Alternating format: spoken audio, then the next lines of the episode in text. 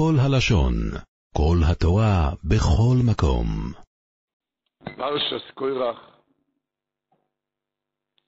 פרשה זו יפה נדרשת, ככה אומר רש"י. הפרי מגדים אומר, שרש"י מתחיל, פרשה זו יפה נדרשת, ואמר שדרשן, כשהוא בא לדרוש, אם ידרוש בפסח, ידרוש, ידרוש עניינים של סוכות, לא מתאים. לדבר בסוכות על שבועות, גם לא מתאים. אומר רש"י, פרשה זו יפה נדרשת במדרש רבי תנחומה. הפרשה הזאת, אתה יכול לדרוש תמיד, כי זה נוגע בכל עת ובכל זמן. כל דרשה זה צריך להיות מתאים לזמן, לעידן. לא יכול לדרוש בפסח על חנוכה ולא בחנוכה על פורים. על פרשה זו, אתה יכול תמיד לדרוש פרשה זו, אומר רש"י, ככה מתחיל רש"י את הפרשה, פרשה זו יופון, יופון נדרשת במדרש תנחומה. ראשית דבר עלינו להקדים, שזה פשיטה שאין לנו שום השגה על כתוב שקוירח היה בן ק"ל 130, כתוב במדרש, הוא היה מטועני הארון, לקח את האורן הקודש. אז תתארו לכם במי היה מדובר, כתוב מהאריזל של אוסיד לובוי, הוא צדיק, צדיק התומור יפרוך סופי תיבות כוח, כאילו אוסיד לובוי גלה ויפרח בתיקון הגמור, אבל התורה באה ללמד, ללמד אותנו מה זה להתרחק ממחלוקת. מה זה נקרא להתרחק ממחלוקת? אומר הדברי ישראל ממוג'יץ, ויקח קוירח בן יצור בן כעוס בן לוי, שהטעות הייתה שהוא דימה בנפשו שלוקחים לבד. הוא חשב שאפשר לקחת שררה, מנהיגות, אפשר לקחת. לא הבין שלכו השם אגדו לו וביודו לגדל אל חזיק לכל, זה לא לוקחים לבד. הגמור אומרת בתענית חופי, משמיה מי אביהווה משקל לא ישוקלו. מהשמיים נותנים לאדם, אז הוא אומר פשט, מהשמיים נותנים לאדם, אבל משקל לא ישוקלו, אי אפשר לקחת את זה לבד מלמטה. זה לא דבר, אי אפשר לקחת לבד מלמטה אם לא קצבו את זה מהשמיים. אי אפשר לקחת, אם זה כסף או רכוש שררה, כל דבר זה קצוב כפי חשבון ממעל. כל דבר, זה לא דבר שלוקחים לבד.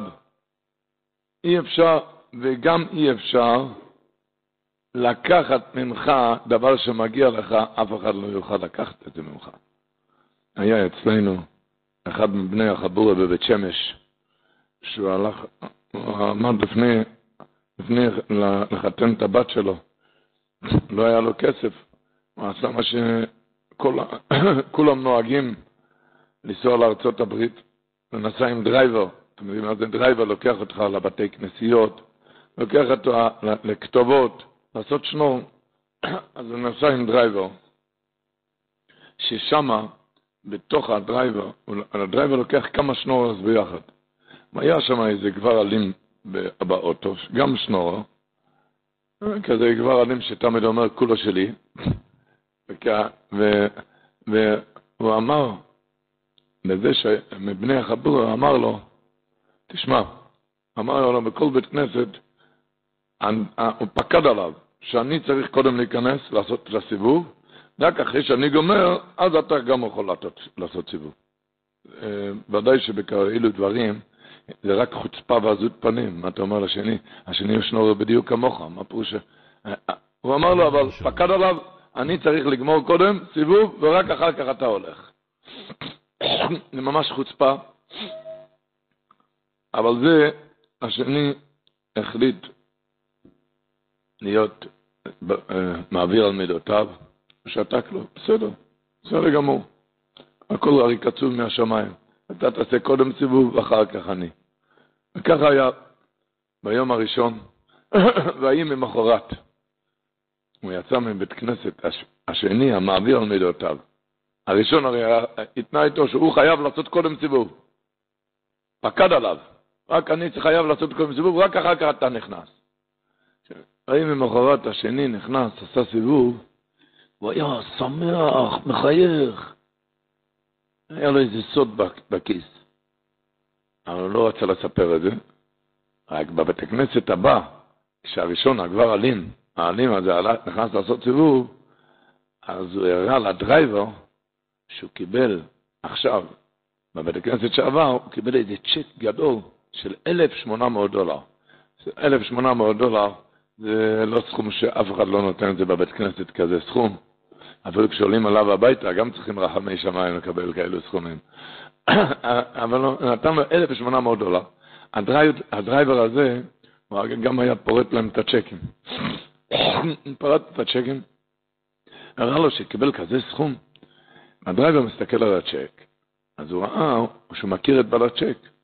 הוא לא כזה עשיר גדול, וגם לא הנדיב הזה כזה גדול.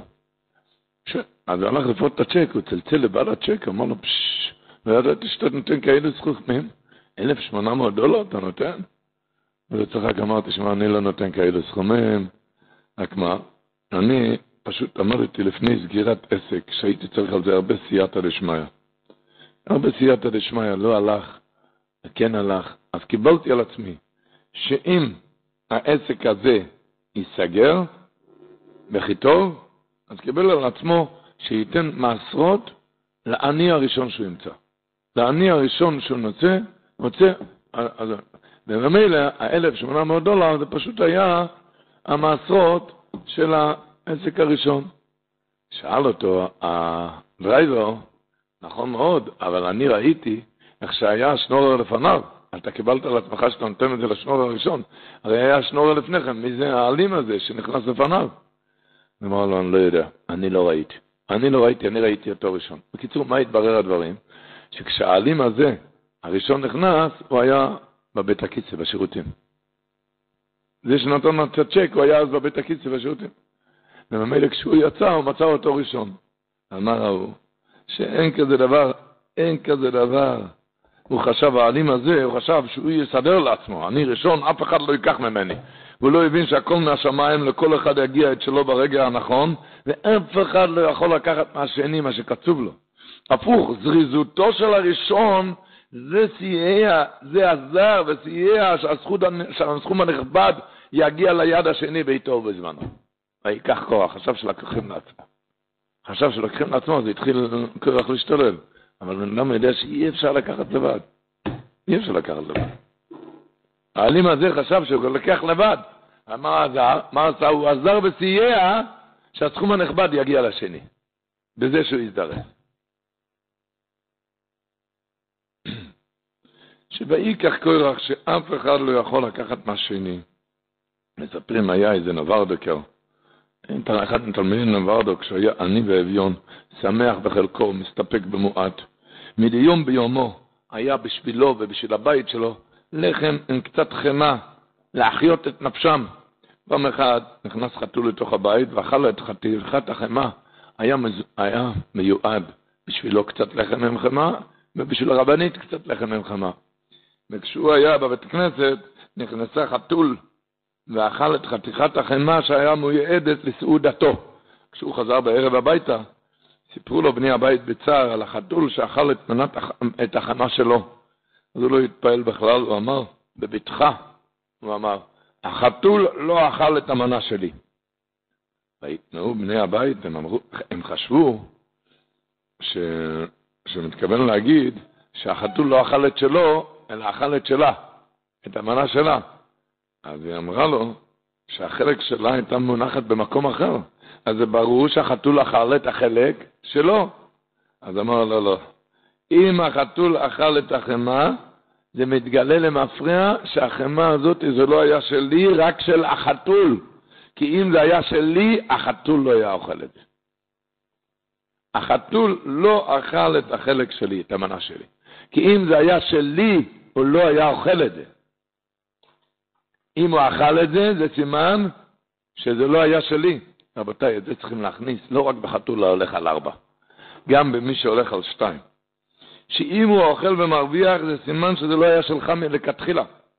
כי אם זה היה משמיים, אם הרווח בשלך, אם משמיים זה היה בשלך, אף אחד לא היה, לא יכול, לא היה יכול לקחת את זה ממך. אם הוא יכול לקחת את זה, זה סימן שזה לא היה שלך.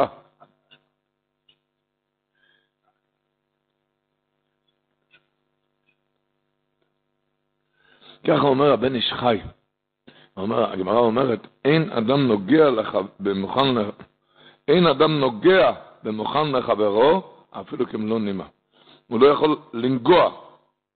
אין אדם נוגע ממה שמוכן לחברו. אז הוא אומר, למה כתוב המילה נוגע? למה לא כתוב בחז"ל, אין אדם לוקח או נוטל דבר שמוכן לחברו? למה כתוב, אין אדם נוגע במה שמוכן לחברו? אז אומר הבן איש חי, שהגמרא רוצה להגיד, שזה לא רק הוא לא יוכל לקחת את זה, מה שמוכן בשבילך, אלא מהשמיים מרחיקים שהוא לא יבוא במגע, הוא לא יכול לנגוע אפילו בנגיעה בעלמא, הוא לא יכול לנגוע מה שמוכן לחברו. זה הפירוש, אין אדם נוגע מה שמוכן לחברו, לא כתוב אין אדם לוקח או נוטל. מהשמיים מצבבים שהוא לא יכול אפילו לנגוע במה דברים אמורים. אומר רבנו רבי ישחיים, מעשה שהיה.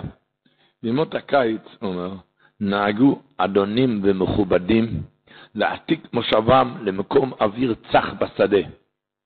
כמו שקוראים לזה היום שווייץ, הפעם זה היה, אדונים מכובדים היו נוהגים להעתיק מושבם למקום אוויר צח בשדה, מה היו עושים? היו תוקעים אוהלם, אוהל ביתדות, המוכנסים עמוק בקרקע, היו מעמידים אוהל, איך? על ידי יתדות שמכניסים את זה עמוק בקרקע. מספר הבן איש חי, באותו המקום, איפה שתקעו את היתדות עמוק בקרקע, באותו המקום, הייתה תמונה בקרקע, צלוחית מלאה זהב ואבנים טובות.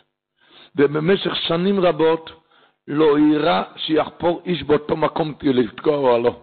הרי כולם הגיעו שם, עם האוהלים, כן? במקום הזה, איפה שהיה הצלוחית מלאה זהב ואבנים טובות ומרגליות, במשך שנים רבות לא יראה שיחפור איש באותו מקום כדי לתקוע לו, עד שבא האיש שעבורו יועדו המעות והעשירות, ובפעם הראשונה שחפר, הזמין לו הקדוש ברוך הוא שיחפור במקום הנכון ומצא את האוצר הגדול. זה הפירוש, אין אדם נוגע במוכן לחברו, שכל קודמיו לא נגעו ולא חפרו כלל סביב האוצר שהיה מוכן לזה האחרון. אף אחד לא נוגע בזה בכלל. תראה, אתה יודע, אלפי אנשים כבר חפרו, בדיוק במקום הזה לא חפרו. אין אדם נוגע. וממילא, ממילא, אז הדבר הראשון לדעת, כי כל המחלוקות והסכסוכים בין הבריות, הרי שורשם מגיע, השורש, מחוסר אמונה וביטחון. למה? כל, הבן, כל בן אדם דואג לעצמו, לפרנסתו, שומר על הפרנסה, שומר על כבודו, הרם והנישא, כמו שומר על כתר המלך בכבודו ובעצמו, שומר על המעמד שלו, על הכבוד שלו, על הכסף שלו. אם מישהו יבוא ויפגע או בכבודו או בפרנסתו, נדמה לו, ש... נדמה לו שצריך לקנות עכשיו קנאת השם צבקות. ומשם הדרך כבר קרובה להדליק את האש הגדולה, להעבירה בתבערה במחלוקת. אבל אם בן אדם מאמין מהשמיים, שהכל מהשמיים, וכל מה שהצליח בפרנסה, מחוט הצרוך נעל, זה רק כי הצליח השם דרכו, אם הוא מבין שהכל הקדוש ברוך הוא נותן. אז ממילא לא היה מתפעל כל כך כשאחר עושה לך משהו. הוא מבין שהכל זה מהשמיים. כשהוא יודע שהכל נעשה מלמעלה. היה רב אשר פריינד, הגאון הצדיק רב אשר פריינד, ידוע, היה בעל חסד מאוד גדול, אגב רבי אדם גודל. היה פעם שהוא הזמין כמויות אדירות של עופות בשביל לחלק אותם לעניים. ועוד לא, לא היה לו את הכסף, הוא לקח אה, הלוואות, סכומים אדירים, לשלם אלפי אלפי עופות, בשביל לחלק אותם לעניים. ברוך השם הגיע המשלוח, והאברכים שמו את זה בתוך הקונטיינר, שזה שימש כמו מקרר לעופות. הקונטיינר היה כמו מקרר, אבל היו צריכים, זה היה משלוחים. בקיצור, היה שם אחד השכנים, והיה בימי קיץ חמים מאוד, לוהטים, ואחד השכנים, משהו, זה לא מצא חן בעיניו משהו, וקם הוא הלך והוציא את השטק, את השק, את התקע מהשקע. הוציא את התקע מהשקע, ובימים כאלו חמים, תוך כמה שעות נדף ריח נורא בכל המקום, והתגלה השבר הגדול שכל הכמות הגדולה של העופות הבאישה והוכרחו להשליך את הכל לאשפה. רבושו היה צדיק גדול, גאון וצדיק, שמע מה שקרה, ביקש מיד מהנהג שיוליך אותו עם הרכב ליער. ושם הוא ציווה לנהג שיחכה עליו, והוא הלך, ככה, הוא הלך עם הרגליים עמוק ביער, אבל הסקרנות של הנהג גברה עד מאוד, רצה, מה, מה הוא עושה שם, הרב? אז הוא התקרב, והוא הסתתר, ושמע איך שהוא, צועק, צועק, רבו שפרן צועק שם בקולי קולות, פעמים רבות, ריבונו של עולם, זה נישט ער, זה דו. זה ריבונו של עולם, זה נישט ער, זה דו.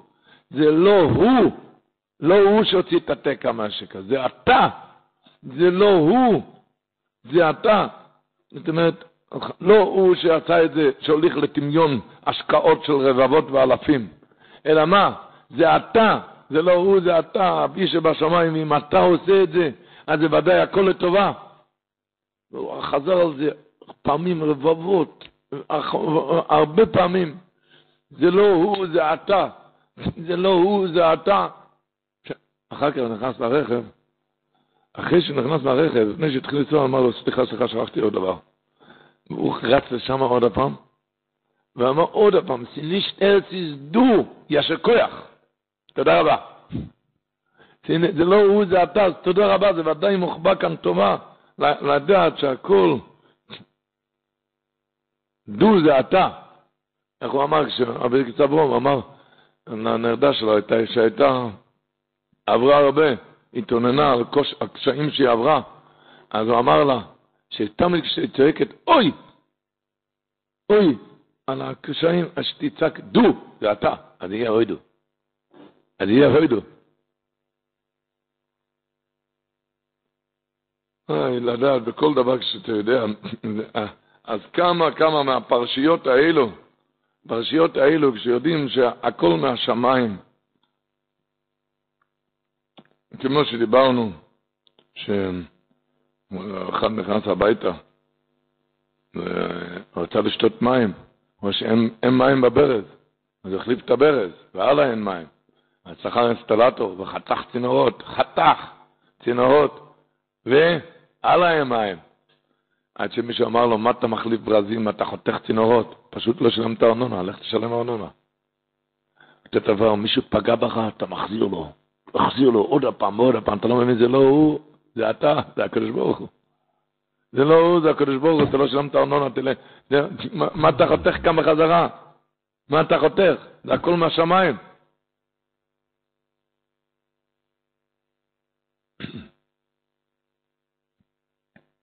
כשבן אדם מכניס את זה טוב לראש, בכל דבר, היה רבי יוסף חיים זונפלד, מספר, נפטרו לו כמה ילדים, הוא היה בשמחה, שמחה עצומה, שאלו אותו, כבוד הרב, איך אתה שמח כל כך, אתה עובר מה שעברת, איך אתה שמח? אז הוא אמר, רבי יוסף חיים הסביר להם, שיש רעידת האדמה, אנשים מתחילים לרוץ, לברוח, איפה אתה רץ? הרעידת אדמה תפתח הארץ, יכול להיות גם כאן וגם שם. רעידת אדמה גם כאן וגם שם יכול, תפתח הארץ. מה יצא ברעידת אדמה, מה? תרוץ לשם, גם עכשיו יכול לפתוח הארץ את פיה. מה יצא? רק דבר אחד. מה? לקשור את עצמך מלמעלה, ככה לא תיגע בארץ. תקשור את עצמך למעלה. כלומר, יהודי שקשור למעלה, יהודי שקשור למעלה, אז רעידת אדמה לא יכול לפתוח אותה.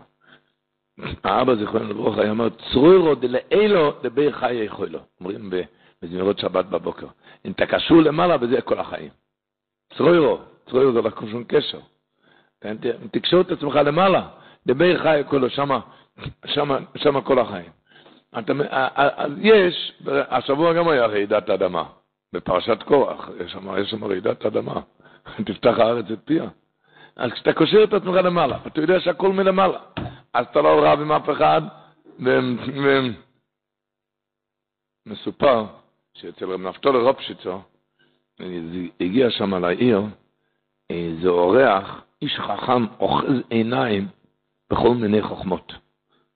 אתם יודעים מה זה, אחיזת עיניים ככה בכל מיני חוכמות.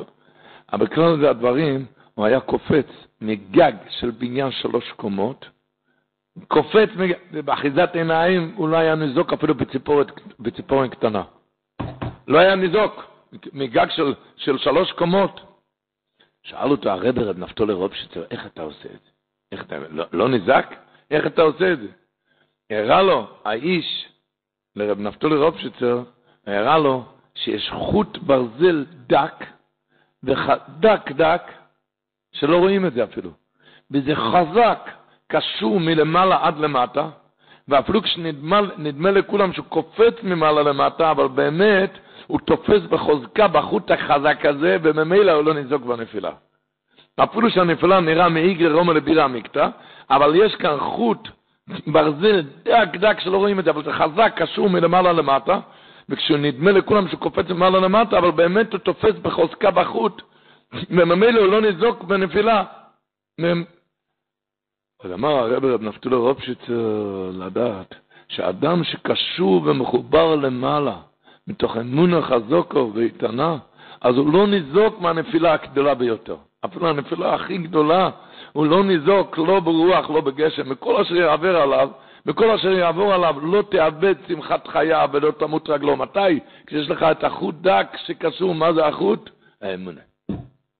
גם כאילו, כשיש לך את החוט האמונה, את האמונה, אז אתה רואה שהנפילה הכי גדולה לא תזיק אותך. כשאתה קשור לקור ריבון עולם ועל מים. הסבא, זכרנו לברוך, היה אומר, רבי שמעון תחילה לבוא, שכשבן אדם נופל לבור עמוק, עמוק, זהו זה, נגמר הסיפור, הוא לא יצא משם. איך הוא יכול לצאת? רק, רק, יזרקו לו חבל ויחזיק את עצמו בחבל, אבל בחבל הוא יוכל להוציא, כן? רק בחבל. אמר, מה זה החבל הזה? זה האמינה, זה האמינה. גם כהלך בגיא צלמובס, בבור הכי גדול, לא יראו כאתו עמודי, שיש את האמינה, יש את האמינה.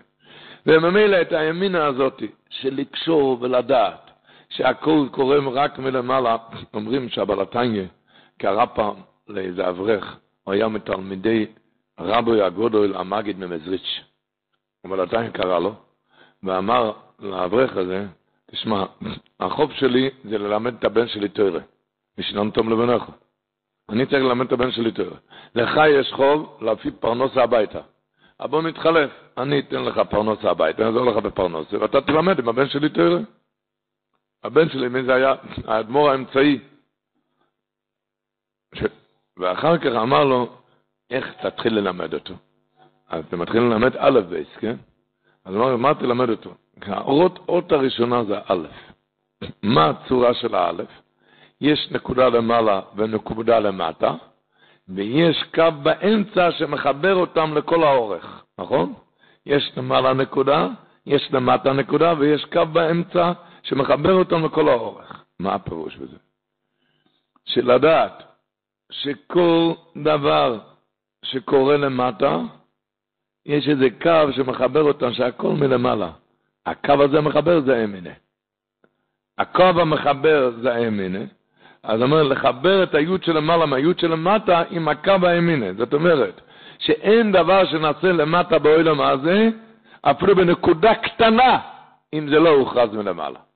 אין דבר שנעשה באוילם הזה, אפילו נקודה קטנה, אם זה לא הוכרז מלמעלה. אז לחבר את הנקודה למטה, הנקודה למעלה, עם הקו המחבר באמצע, שזה האמינה.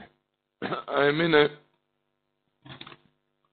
שזה האמינה בכל דבר, ולחיות בזה, וממילא, אז יותר קל בכל העניונים ובכל המובנים. יותר כאן נכד של רב זלמן בריזל, היה כאן, קוראים לו הגוין רב מוישה לנדו. נכד של רב זלמן בריזל, הוא אומר, בסוף יום של רב זלמן הוא קום הלך. הוא קום הלך, לא יכל ללכת. היה מאוד והוא היה אצל הבת שלו בירושלים. היה צריך ללכת משם, הזמין לו מונית. ומהבניין הזה היו שתי יציאות. יש יציאה מהבניין הזה ל, ל, לרחוב ההוא, ויש יציאה מהצד השני של הבניין לרחוב אחר. הזמינו מונית, אז הוא הוריד אותו עד שהוא סחב אותו, עד שהוריד אותו, עד שהגיע, היה קריאס ים סוף. הוא מגיע למונית, הוא שומע שהמונית הוא בצד השני. אז התחיל לסחוב אותו לצד השני. ועד שהוא סחב אותו לא היה קל, קריאס ים סוף, עד שהוא הגיע לשם, הוא שומע שמה, שהמונית שמע, שרב זלמן נמצא שם, אז המונית הסתובבה לשם. אז הוא סחב אותו לשם. עד שהוא הגיע לשם, עוד הפעם, קריאס ים סוף, עד שהגיע לשם, הוא שמע שהמונית שמע שרב זלמן כבר הלך לשם, אז המונית חזרה לשם. אז סחב אותו לשם. הגיע לשם, המונית כבר ככה, ככה היה שבע הקופס. שבע הקופס. אז הוא סיפר שרב זלמן, מהפעם הראשונה, כשהתחילו ההקפות האלו, אמר לרב זלמן, מוישה, אסור להיות אפיקורס, זה לא הנהג, זה הקדוש ברוך הוא, זה רוצן השם שאני רצון השם, רצון השם, צריכים לעשות בשמחה. הוא קפץ שם ושמח ורקד שם שבע הקפות. אמר, אני חשבתי, מספר מישהו שאני נופל כבר. והוא רקד שם שבע הקפות, אמר, זה רצון השם, רצון השם צריכים לעשות את זה בשמחה. איך הוא צעק רבו שפריין, תני שטר, סידור. זה לא הוא, זה אתה. זה לא הוא, זה אתה, זה הקדוש ברוך הוא. ויקח קורח. הבעיה הייתה, הוא מסביר שחשב שלוקחים את זה לבד. שבן אדם יודע שהכל, הכל קצוב מלמעלה, והכל מושרש מלמעלה.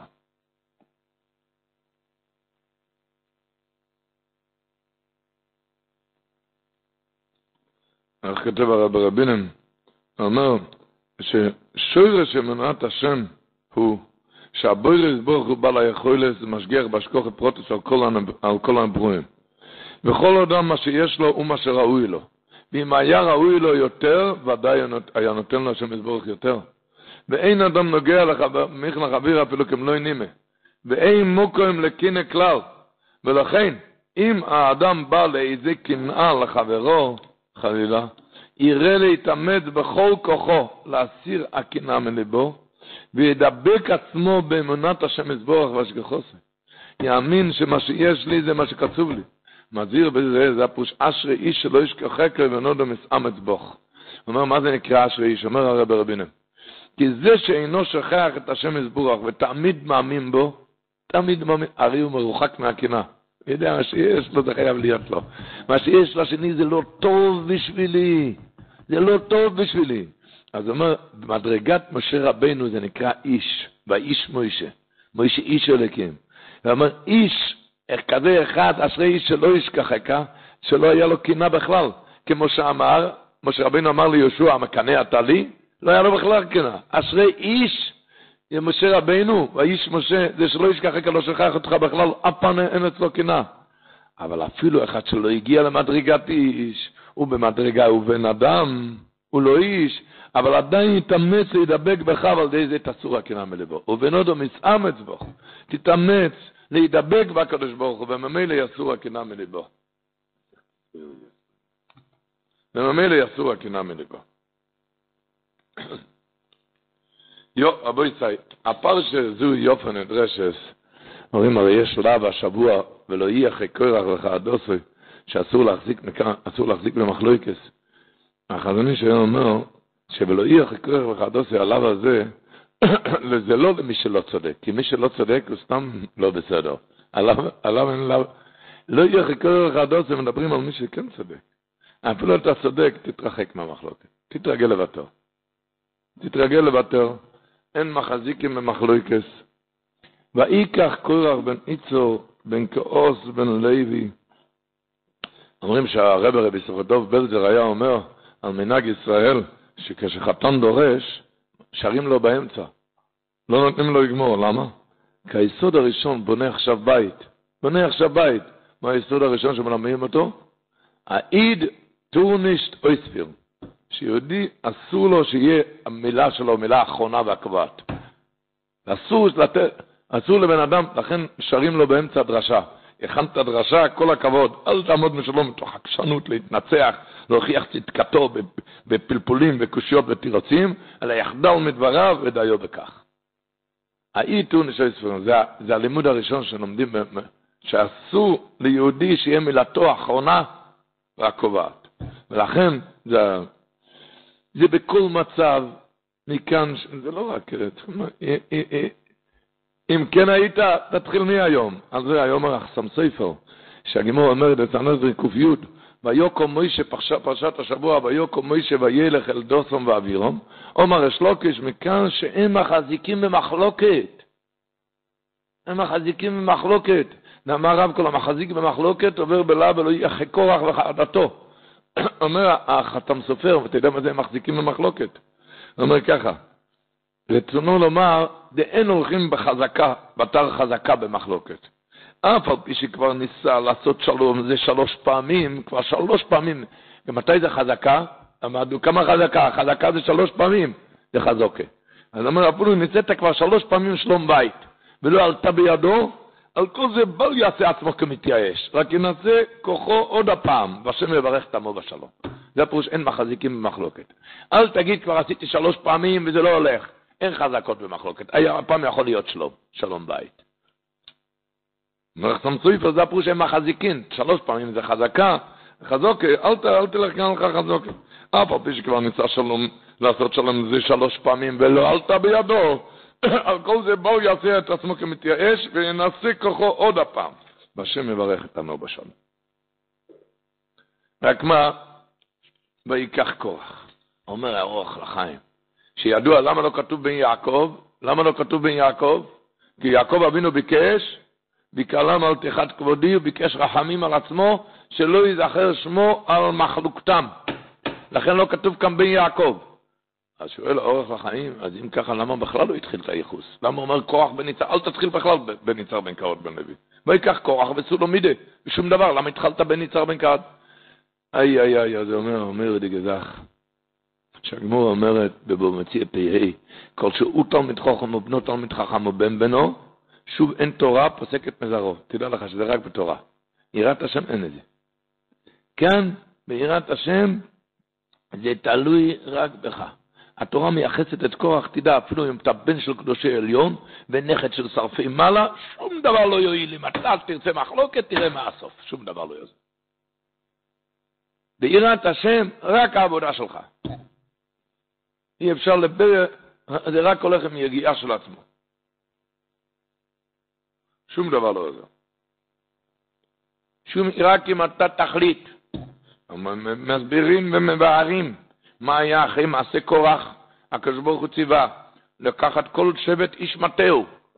ומה היה? והנה פרח מטה אהרון, ויצא ציץ ויגמול שקדים. למה זה היה למשמרת לאות לבני מרי? שאף אחד לא יריב, על, לא יריב יותר על הכהונה. אבל למה, למה פרח? מטה אהרון בדיוק שקדים. למה גדל בדיוק שקדים?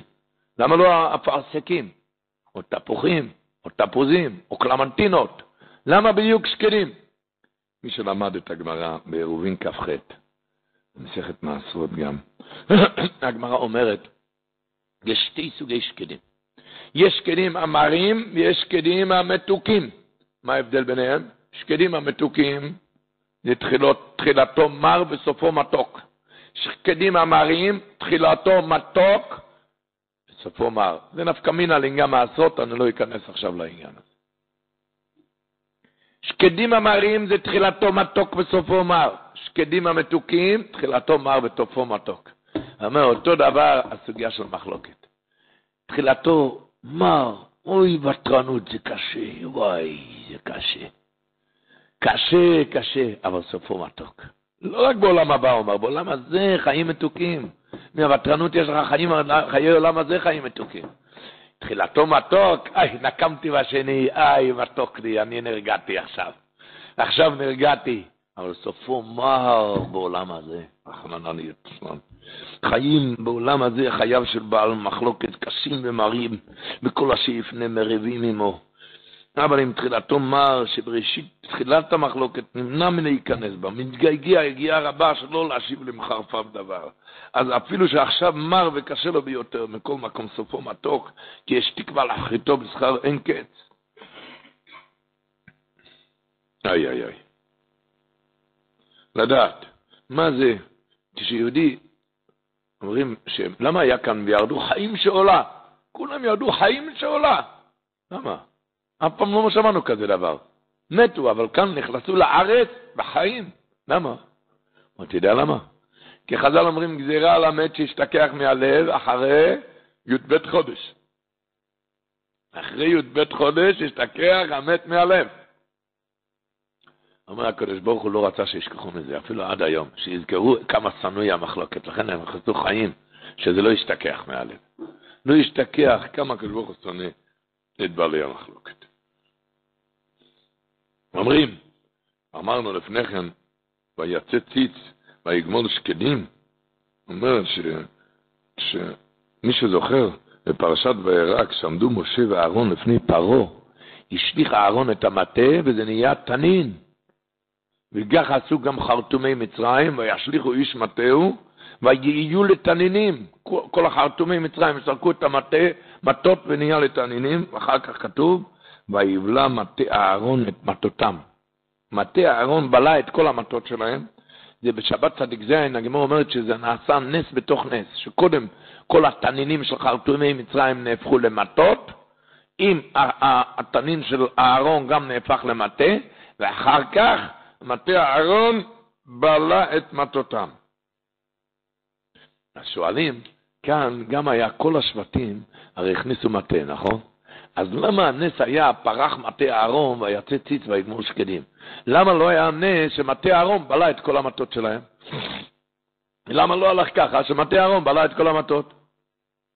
אז הוא אומר ככה, שכלל גדול, כשמתעורר ויכוח ומדון ממי הצדק או מי גדול ממי, אז זה לא דרך שהגדול יבלע את השני בכדי להוכיח את דרכו. זה לא דרך. רק מה? לא ישפיל את רעהו. מה יעשה? יגדיל את עצמו בתוספת מעלה על מעלותיו, יוציא פרחים, ציצים ושגדים, עד שממילא יראו הכל כי הוא גדול מרעהו. אבל זה לא דרך, אם אתה רוצה להוכיח את השיטה שלך, לבלוע את השני. אתה רואה ששם אצל פרעה מטה אהרון בלע את מטותם, זה היה עם חרטומי מצרים. אבל כששני יהודים, אם יש ויכוח משתי יהודים, ממי הצדק, או מי גדול ממי, אז זה לא הדרך שהגדול יבלע את השני בכדי להוכיח את צדקת דרכו, ולא ישפיל את רעהו עבור כך. אלא מה יעשה? יגדיל את עצמו בתוספת מעלה על מעלותיו. יוציא פרחים, יוציא ציץ, יגמול שקדים, עד שממילא יראו הכל שהוא, שהוא גדול מרעהו. אבל לא לבלוע את השני. אומרים שבסול סמנטר ראה שתי ילדים, רבים ביניהם מי יותר גדול מהשני, מי יותר גבוה. ראה שפתאום באמצע, אחד אה, העיף את השני מהמדרכה על הכביש, כי הוא רצה להראות שאני יותר גבוה. בסול סמנטר אמר עליו מילה מאוד חריפה, על הילד הזה שזרק אותו. למה? הוא אמר, כי רצה להגביה את עצמו בדרך השפלת השני. דרך לבלוע את השני זה השם ישמו. דרך לבלוע את השני זה השם ישמו. מסופר שהגאון מווילנה, כשהוא היה ילד, הוא שיחק אה, נדנדה. אתם יודעים מה זה נדנדה? לוקחים קורה, זה, ניצב, זה היה ניצב על מות מתכת, ושתי ילדים יושבים שתי צידי הקרש, כי אחד, אחד יורד, הנדנדה השני עולה. כן? אתם מכירים את זה? אחד יורד, השני עולה, נדנדה. באמצע הגאון מווילנה היה ילד, הפסיק לשחק. שאלו אותו למה הפסקת לשחק? אז אמר, אני לא יכול לשחק כזה משחק, שאני מתעלה בשביל שהחבר שלי יורד. אין כזה דבר. הוא לא יכול אפילו בתור ילד, בתור ילד, אנחנו בואו נעשה את זה בתור מבוגרים. אני לא יכול להתעלות מהשפלת השני. שאני אני רוצה לעלות למעלה, אבל לא בזה שאני משפיל את השני. ויצא ציץ ויגמול שקדים, זה הדרך. שאתה תרבה בתורה, במצוות, במעשים טובים, את כל הדברים האלו, רבותיי. הרי לדעת, הגנות המחלוקת, הרי מה יש לדבר שידוע כבר לשון שהרמב"ם כתב באיגרת, שמה יש לו להעריך, ככה הרמב"ם כותב באיגרת לבן שלו, אל תשקצו את נפשותיכם במחלוקת המכלה הגוף והנפש והממון.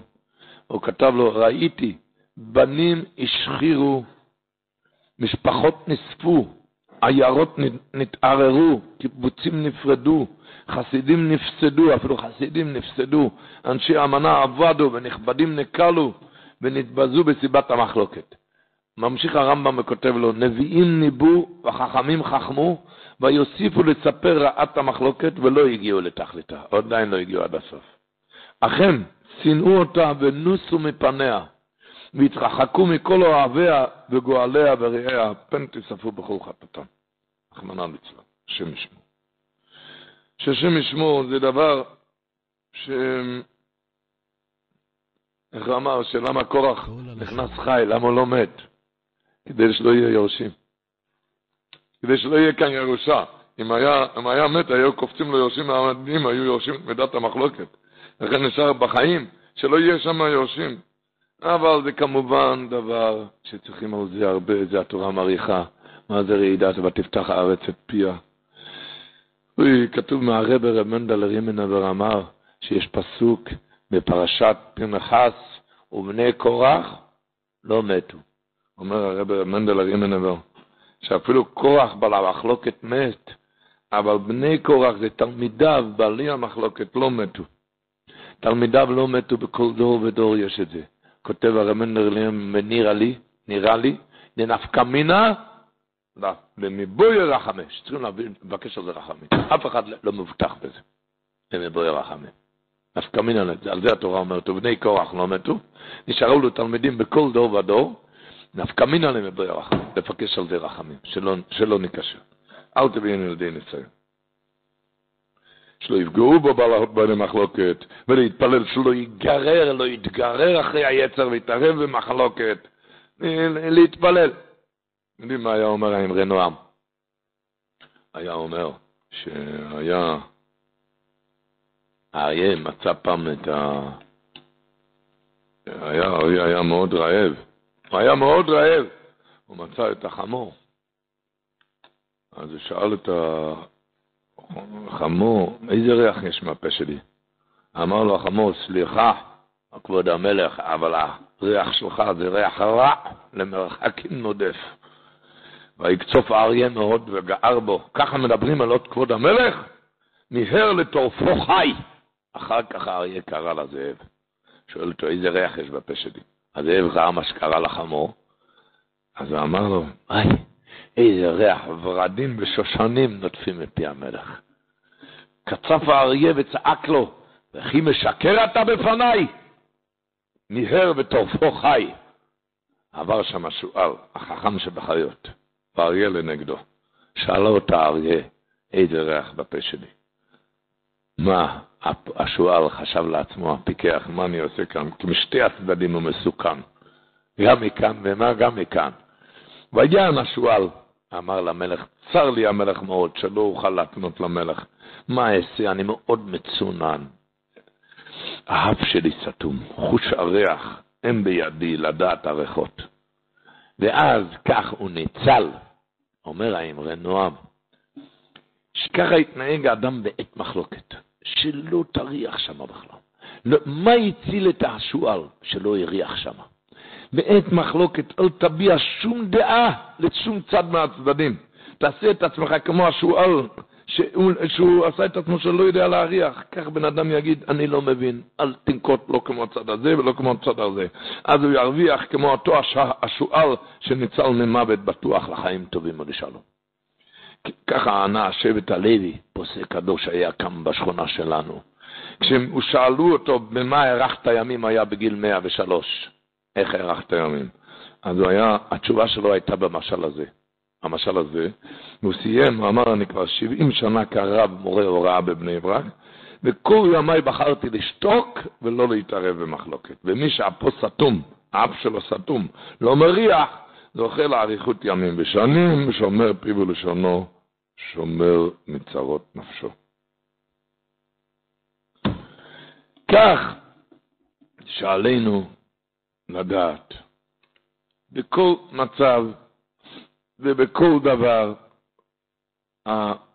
תשמעו מה אומר רבינו הראש מהראשונים, אין לנו מושג תנאים ואמוראים, אין לנו כל מושג. אבל מי שזוכר, הגמרא מספרת שרב יוסף ורבי היו שתי גדולים, רב יוסף היה סיני בקי גדול, רבי היה עוקר הרים, חריף גדול, חריף ומפולפל בתורה. והיה שאלה את מי לקחת למלך. שלחו לתמון, שלחו שאלה את מי לקחת. איזה מהם קודם שלחו להם סיני עדיף. שהבקי יותר עדיף לקחת את מי? את רב יוסף לרב. דאמר מר עכו צריכים למור חתיה, שכולם צריכים אה, בלחיתים, מי שמסודר אצלו משנה וברייתא. בקיצור, מספרת הגמרא שההוראה הייתה לקחת את רב יוסף לרב, למלך, ואפילו אחי לא קביל רב יוסף עלי, הוא לא רצה לקבל את השכרה. אומרת הגמור, מלך רבה עשרים ותרתי שנין, עשרים ושתיים שנה רבה היה מלך, ועוד אחר כך מלך רב יוסף, אחר כך מלך רב יוסף. מספרת הגמורה, כל שוני דמולך רבה, כל השנים שרבה היה מלך, הרב יוסף אפילו אומנה לביתי לא חליף. לא, מה הפירוש? אומר רש"י, שלא רצה לנהוג שררה בעצמו כל אותם השנים שמלך רבה, אז אפילו בשררות הזאת הוא לא רצה לקרוא לאומן מקיס דם, הוא לא קרא לו הביתה, הוא הלך לרופא. כי לא, למה? כי הוא לא רצה לנהוג שום שררה. אומר הראש כאן על המקום, הראש מביא מהרמה, שמה פירוש שבזכות זה שרב יוסף ויתר את השררה לרבה, אומנה זה רופא. אז כל אותם 22 שנה שרבה היה מלך, הוא לא היה צריך רופא, לא הוא ולא בני הבית, אף פעם אף אחד לא היה חולה בבית. אף פעם אף אחד, הוא מנע זה רופא, אף פעם אף אחד לא היה חולה בבית בזכות זה שהוא ויתר הוותרנות השררה, אני אקיא את הלשון. גם הראש על המקום בצד השלי, השמאלי, יש כאן תוספת הראש. אז הוא כותב,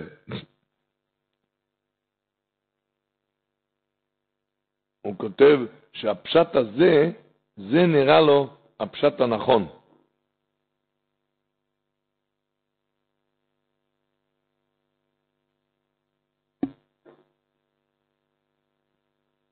והרמז פירש כך, אומר, הואיל שהשפיל רב יוסף את עצמו, ולא רצה לנהוג שררה בפני רבה, הגינה זכות עם וסונוסוי, זכות הענווה, עליו ועל אנשי ביתו, שלא חלה אחד מהם כל השנים שמולך רבה, ואפילו אומן להקיס דם, זה רופא קטן, רופא, אפילו אומן להקיס דם לא קרא לביתו. זה הפירוש בגמרא. שאף פעם לא היו צריכים אפילו רופא קטן בבית, לא הוא ולא בני הבית, מסיים הראש, ועדיין פירוש מסתבר לנו. זה מסתבר לי שזה הפירוש בגמרא. זה זכות, זכויות של הוותרנות, זה הרי לאין קץ, לאין קץ, איך אמר רב אלה רוט, היה אומר, הרבה מחלוקות, זה ויכוחים בשתיים, שמתבוננים רואים שאין שום סיבה למחלוקת. למה? כל הוויכוח, המהות של הוויכוח, הראשון אומר שהוא אוחז, ההבנה שלו זה ככה. השני צועק, איך אתה אומר ככה, אין לך שכל בראש? כל בר דת מבין שזה שטות גדולה, ההפך הוא הנכון. מה שאתה אומר... אז האמת היא, אומר, כל הסיבה והטעם שהראשון סובר כמו הצד ההוא, כי כהדת שהקדוש ברוך הוא נתן לי, אני מבין כך וכך. מה שהחבר שלי לא סובר כמוני, כי הוא סובר לפי החוכמה שהקדוש ברוך הוא חנן אותו, שזה כך. ההוא מסתכל, אין לו שכל בראש? ואני אומר, אין לו שכל בראש. אז אם הקדוש ברוך היה נותן לי את השכל של ההוא, הייתי אוחז גם ככה. ואם היה נותן לו את השכל שלי, גם היה אוחז ככה. כמוני. אז בעצם על מה יש לריב? אם לי היה את השכל של ההוא, ולא היה את השכל שלי, אז היה הפוך מהדברים. היו מתחולפים את טענותיהם. נמצא שאין ביניהם כלל ויכוח מה נכון לעשות. שתיהם שווים, שתיהם שווים לומר שעל פי השכל פלויני צד א' הוא הנכון, ועל פי שכל פלויני צד הב' הוא הנכון, אבל אין קשור, אם ככה אין שום חילוקי דעות, אז על מה פירוד הלבבות? ואיך אומר רבינו אחידו, אומר מאיר דגזח, אל תהי בוז לכל אודום. שאין לך אודום, שאין לשור, זה משנה באבות. אומר רבינו אחידו, אל תהי בוז לכל אודום. אל תבזה בן אדם, כי סוף דבר, מה שאתה מבזה חבר, הסוף שהחבר הזה המבוזה יעלה לגדולה ואתה תצטרך להגיע אליו. שאין לך אדם, הוא אומר, שאין לו שעה, אין אדם שאתה מבזה אותו שלא, כד... שלא כדת, שאין לו שעה לעלות לגדולה ואתה תצטרך להגיע אליו. עוד פעם, אל תיבוז לכל אודום. הסוף דבר הוא, מי שביזה את חברו, יגרום שהחבר שלו יעלה לגדולה, וזה המבזה יצטרך לבקש ממנו טובתו, אומר רבינו החידה. זה ההמשך במשנה, שאין לך אדם שאין לו שעה, אין אדם שתבזה אותו שלא כדעת, שאין לו שעה לעלות לגדולה בשביל שסבל בזיונך וחטאת לו. אז הוא מסביר בזה החידו, שזה הפירוש יפתוח ענה לאחים, כשהם באו אליו. האחים הרי אחר כך קודם הם ביזו אותו ויגרשו, ואחר כך הם באו אליו. אז הוא ענה להם, יפתח ענה להם, הלא אתם שנאתם אותי, ותגורשוני מבית אבי, אתם גירשתם אותי מבית אבי. ומדוע באתם אליי עתה כאשר צר לכם? למה עכשיו באתם כשצר לכם? מה כתוב בפסוק? ויאמרו, מה הם אמרו לו? לכן עתה שבנו אליך.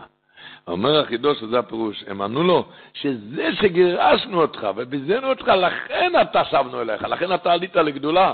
הרי לכן אתה עלית לגדולה, וכדי ש... וזה נגרם שנצטרך לבוא להתחנן אליך שתטיב לנו.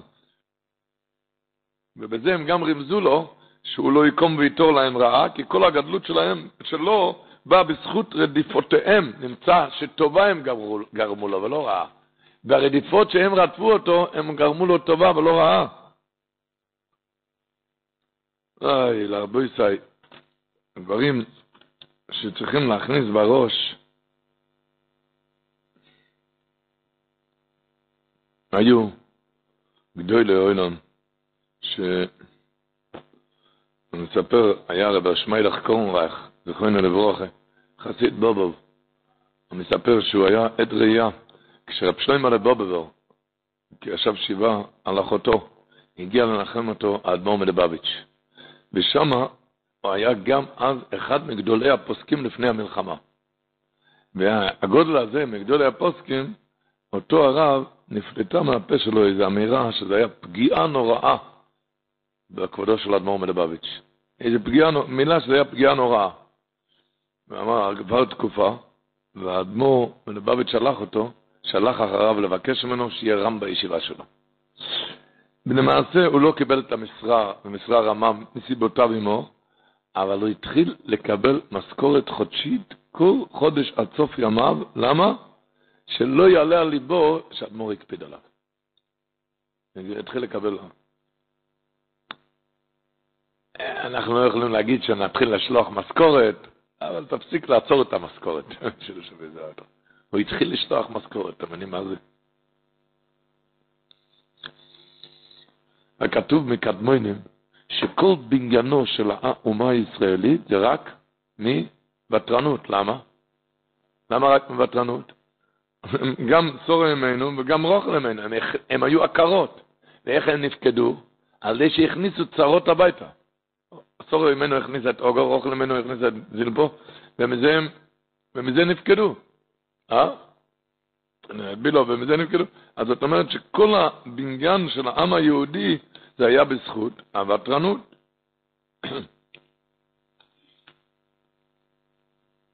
מצד אחד, הרווחים, כמו שאמרנו, תחילתו מר, אבל סופו מתוק, הוותרנות.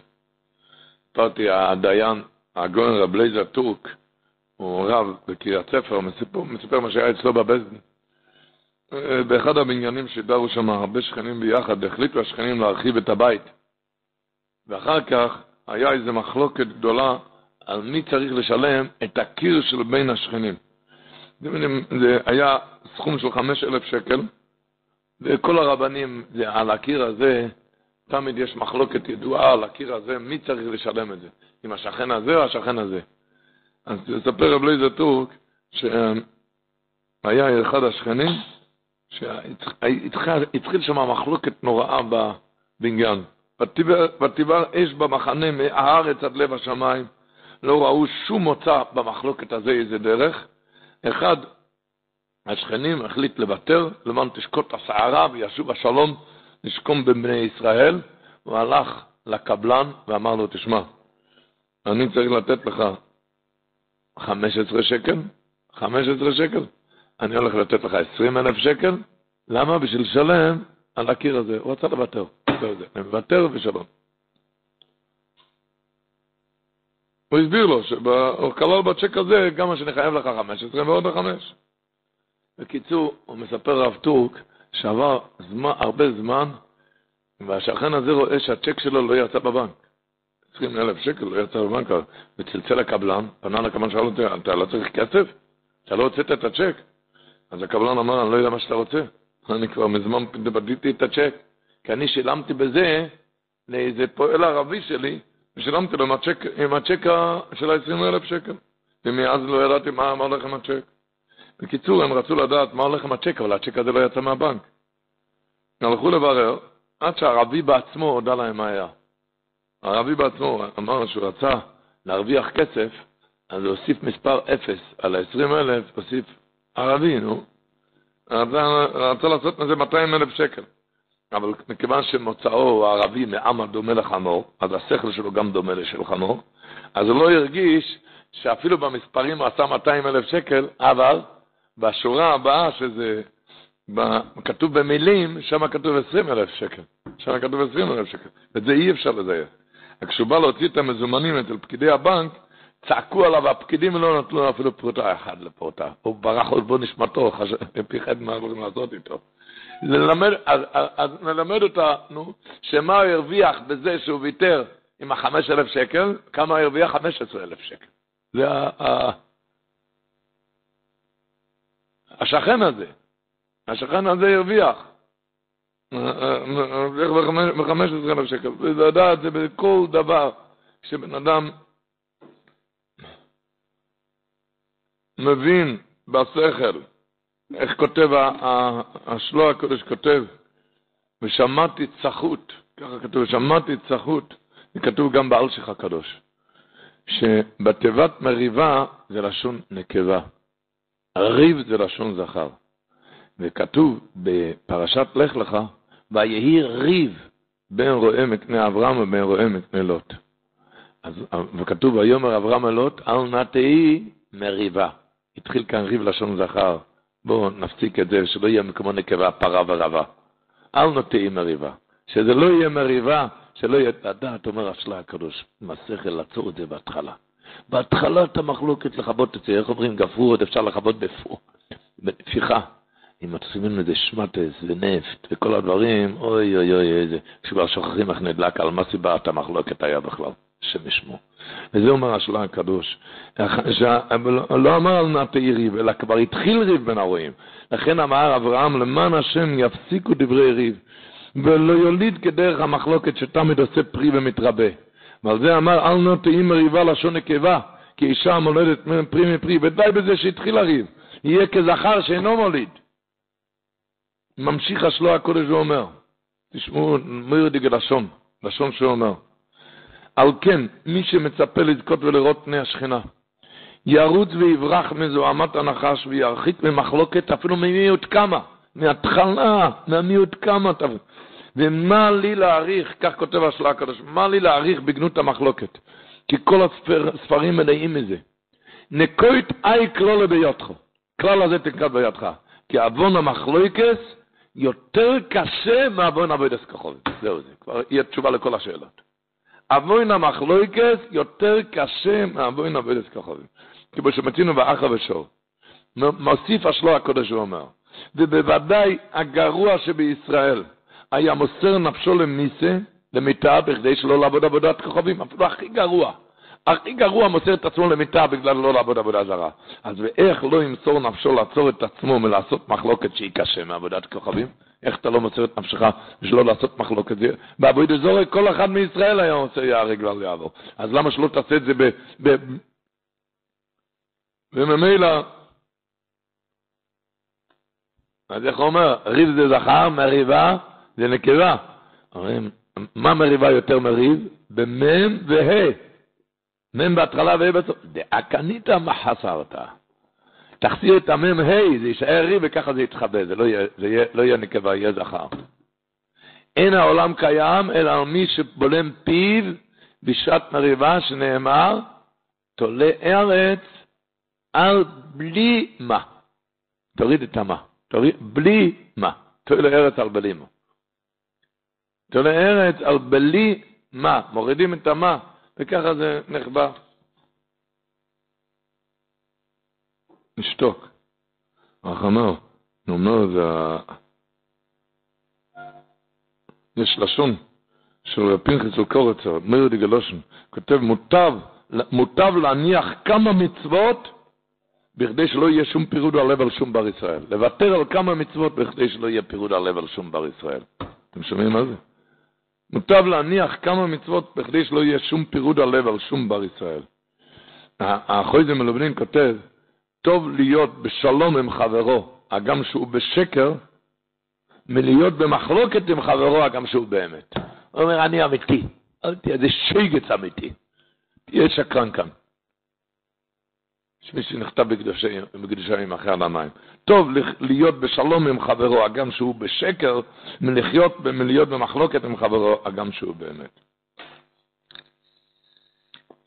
אתם אומרים, יודעים, אומרים, אהרון הכהן היה אוהב שלום ורודף שלום, כן? ידוע. כולם שואלים, ריבונו של עולם, על מה היה המריבות שם? על כסף, פרנסה, ירד לחם מהשמיים, היה אז מון. מון. על מים, מהבהר. הבגדים, כתוב שמלתך לא בלטה מעליך, על בגדים לא בלו. אז על מה היה מחלוקת, ריבונו של עולם? על דירות גם לא, זה היה במדבור. על, על מה? לא היה חוות דירות, על מה? אמר, על מה? אם השולחן הכיסא יעמוד כאן, הוא יעמוד שם. מחלוקת זה בלי סי, זה לא... כל המחלוקת מתחילים, עוד, עוד יבוא יום שנצחה גם על המחלוקות של היום. מעשה שטן, לא עלינו. ניסיון של... אבל צריכים לוותר.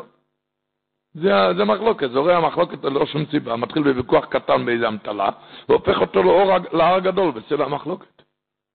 לכן אומר השלה הקדוש ואומר, שמעתי משארי הגדול, הגאון המופלג, כבוד מורן הרב רבנו פרחה סגל, כדבר זה מרומז באותיות של תיבת מחלוקת. למה? האות מ' סגור מכל צדדיה פתח קטן למטה, נכון? האות ח' כבר פתוח לגמרי למטה. הלמד, למד, זה הגג כמגדל הפורח למעלה למעלה. מה הפירוש? הוא אומר ככה, המחלוקת מתחיל עם משהו, כמו מ' סגור, משהו פתוח. אם אתה לא תסגור אותו, נפתח כמו חטא. ולא רק חטא, אלא אחר כך מגיע למד, זה פורח, האש לעבד, יש המחלוקת עד למעלה. כמו הלמד, כמגדל הפורח למעלה, למעלה, משם תמשיך האש הבוערת למטה עד שעול תחתיה. זה הקוף, הקוף זה למטה. הלמד זה למעלה, הקוף זה האות למטה. עד שתף זה כבר עומד על שתי רגליים טובות, שתי מפלגות, וכבר עשו משהו. מה הוו באמצע? מה הוו באמצע? זה אומר, הוו באמצע זה משענת המטה שבידו להחזיק המחלוקת, כל מחלוקת נבנית על איזה דמיון שפלוני עשה. אבל זה המטה, אומר השלה הקדוש, מתהפך לנחש. הוו הזה זה הוו, יש על זה איזה דמיון על השם, איך, איך קוראים את השם, על השם רבים, אה? רבים על השם, על מה? אתה לא, לא חסר ליידר על מה, על מה. אחרי של יזוצ'קי רבי זכרון לברכה, היה אומר שיעקב אבינו ביקש אצל קורח, ששמי לא ייזכר במחלוקתם, שלא יריבו על השם שלי. מבינים? על קופונים, אבל שמה לדעת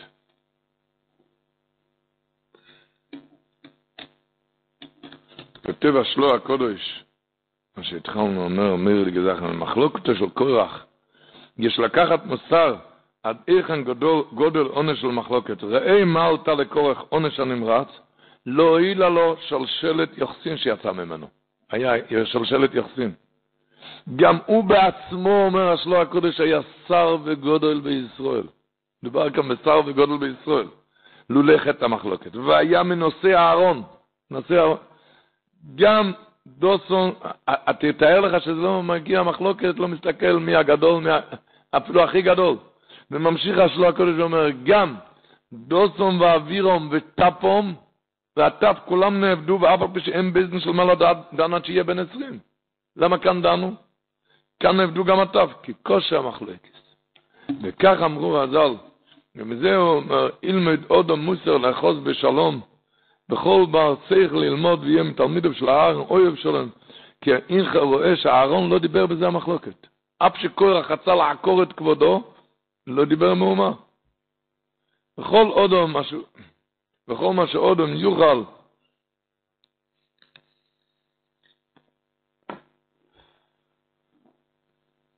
אומרים כאן דבר מבהיל ונורא, שמשה רבנו אמר, וזו יסתדם כשם שלוחני לעשות את כל המעשים האלה כלא מדיבי, אם כמות כל האדם ימותו מאלה, כולם פתאום מתים, יפקוד את כל המפוגד עליהם, לא השם שלוחני. רק אם בריאה יברא השם, יפצתה האדמה את פיה, אז השם שלוחני. מבין, פתאום כולם מתים, אז לא השם שלוחני? כולם מתים פתאום, זה לא השם שלוחני. לא. למה? כי הליקים מבקש את הנרדוף. אפילו צדיק רדף ראשו. זה עוד לא סימן שמשה רבנו צודק. כי הוא, למה הם מתו כולם? כי הם רודפים אחרי משה רבנו. זה הלוכה של רוידף, רוידף ונרדף, זה, זה עוד לא מראה שמשה רבנו צודק. זה עוד לא מראה שמשה רבנו צודק, עד כדי כך, מה זה נקרא מחלויקס.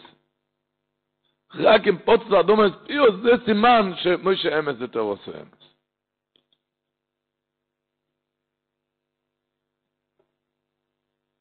נו.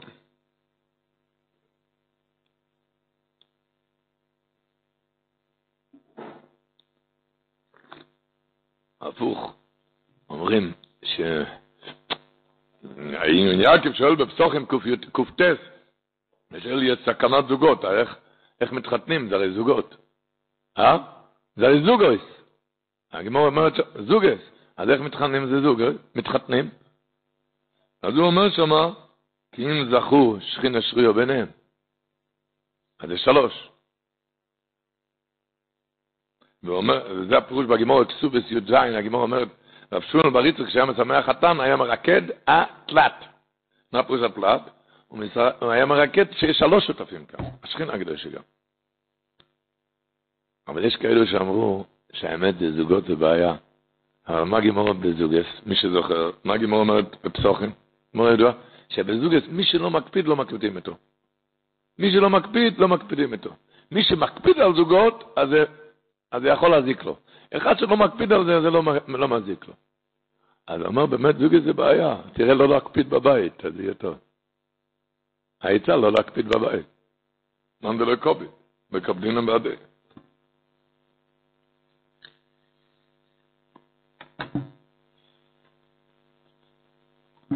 ומות הקדוש ברוך הוא כלי מחזיק ברוכו לישראל, אלו השולם.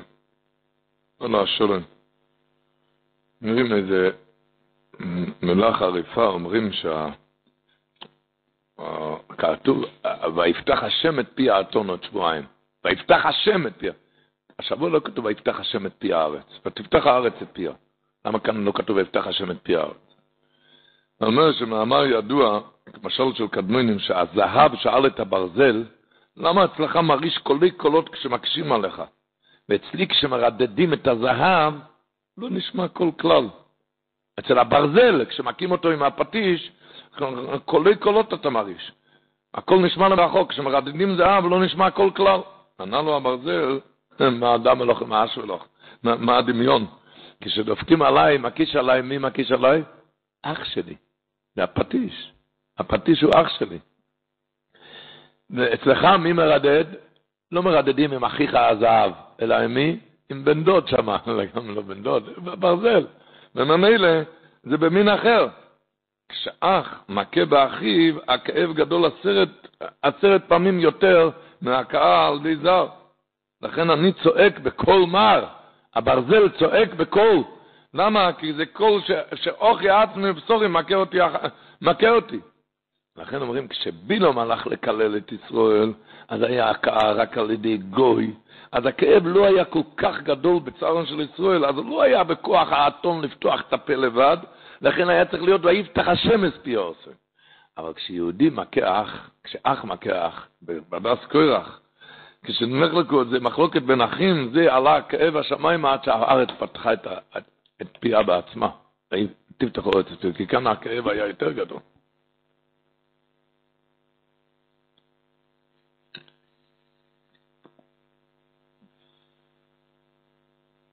יו, הפוך.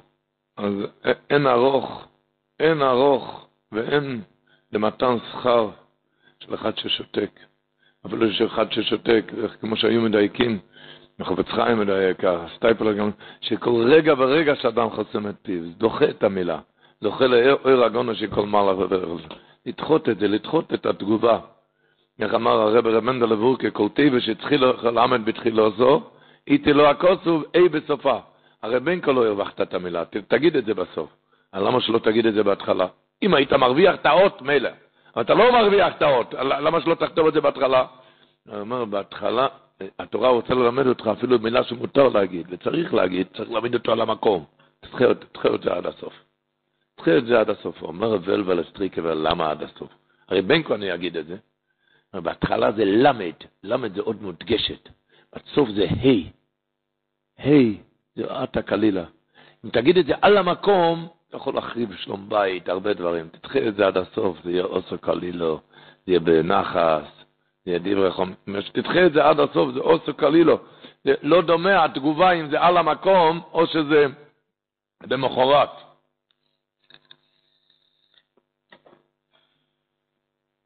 זה כבר לא, כבר לא עם כל הברן. Ja.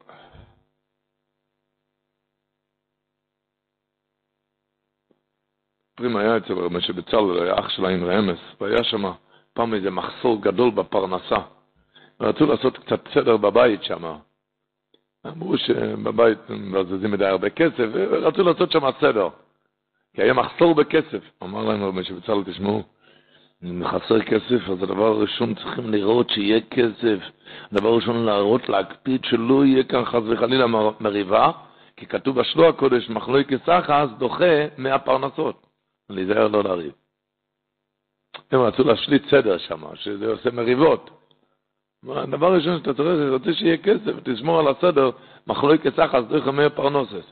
איך אמר, שרוב אמר לבני מחוזה, הוקירו לנשייכו, לכבד את הנושים, לכבד את בני הבית, כאיכי דסיסטרו, ככה תהיו עשירים. מה הקשר?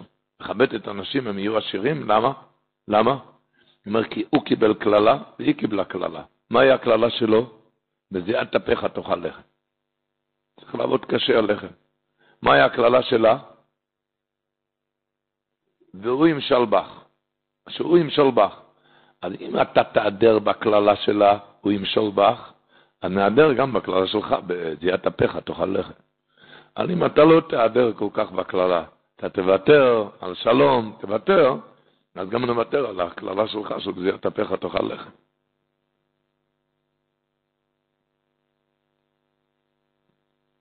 אתה רוצה לדייק בכל אות בתורה, אז יש עוד אותיות. אנחנו צריכים לדקדק על כל אות, אז בואי זה על כל הדברים. כאן להבין אבל... מחלוקת אחד דוחה מאה פרנסות, שאלו אחד, איך אתה מוותר לו, איך אתה שותק לו?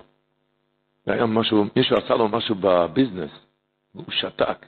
איך אתה שותק לו, עשה לך כזה דבר בביזנס? אמר לו, מה לא עושים על פרנסה? מחלוקת, מי אומר את זה? אומר את זה האליגך סמסויף, הוא כותב את זה בפרשת באיגש. אמרנו את זה כמה פעמים. הוא כותב עכשיו ספר, כתוב בפסוק, אסום גבולך שלום, חלב חיטים יסביח. זאת אומרת, כל בן אדם יש לו איזה גבול לפיקחות, לשכל שלו. יש בן אדם פיקח, מגיע עד קינה. על קינה הוא עושה שטויות. לא מתאים לך, איך עשית כזה דבר? קינה. קינה אוכלת אותו, עושה שטויות. יש אחד שהגבול לשכל שלו זה כבוד. מגיע לכבוד, עושה שטויות. איך אמר? ולטיפה כבוד עושה לעצמו כמה קילו ביזיונות, בושות. עושה שטויות. יש אחד שהגבול לשכל שלו זה כסף. בשביל כסף עושה שטויות. אומר החתם סופר שהצדיק אין גבול, אין גבול לשכל שלו. השכל שלו עובר על הקינה, השכל שלו עובר על הכסף, על הכבוד, כמו מוח שליט על הלב.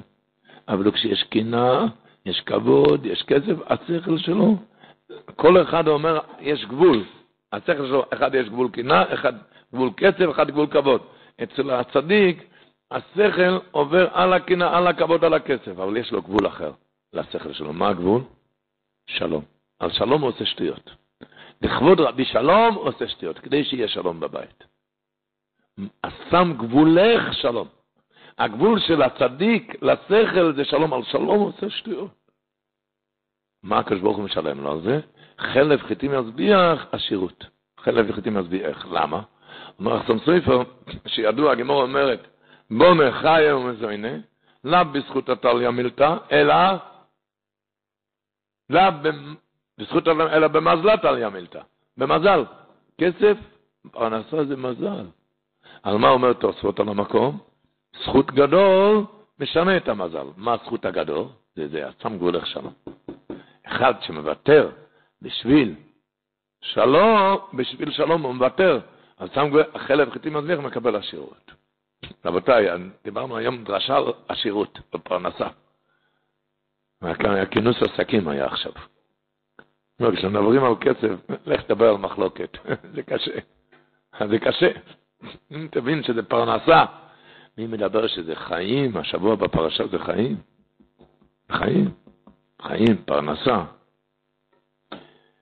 וכמו שאמרנו, שצריכים על זה להתפלל, יש, מוירניגר, הרמב"ן כותב השבוע, כתוב, משה רבינו ביקש מהקדוש ברוך הוא, אל תפן אל מנחוסום, של מי של הדס קורח.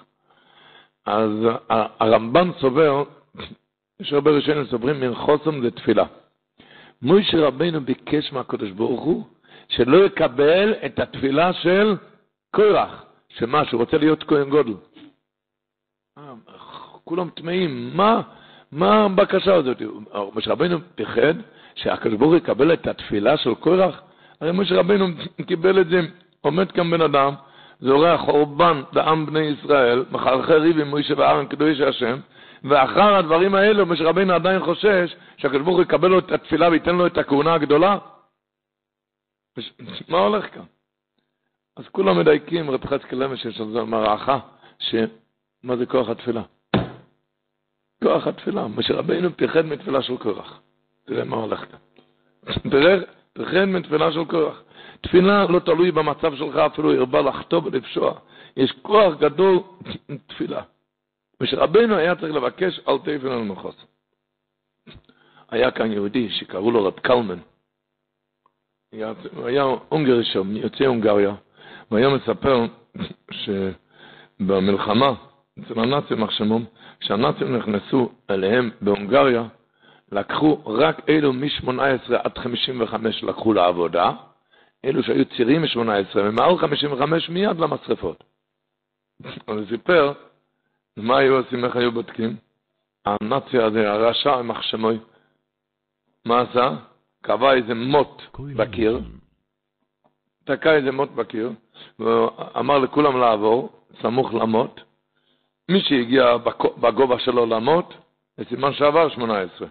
והנמוכים, מיד לצד השמאלי, למשרפות. רחמנא ליצלן. אמר שכמובן אלו שהיו 15, 16, היו נעמדים על קצות האצבעות של הרגליים כדי שיגיעו למות.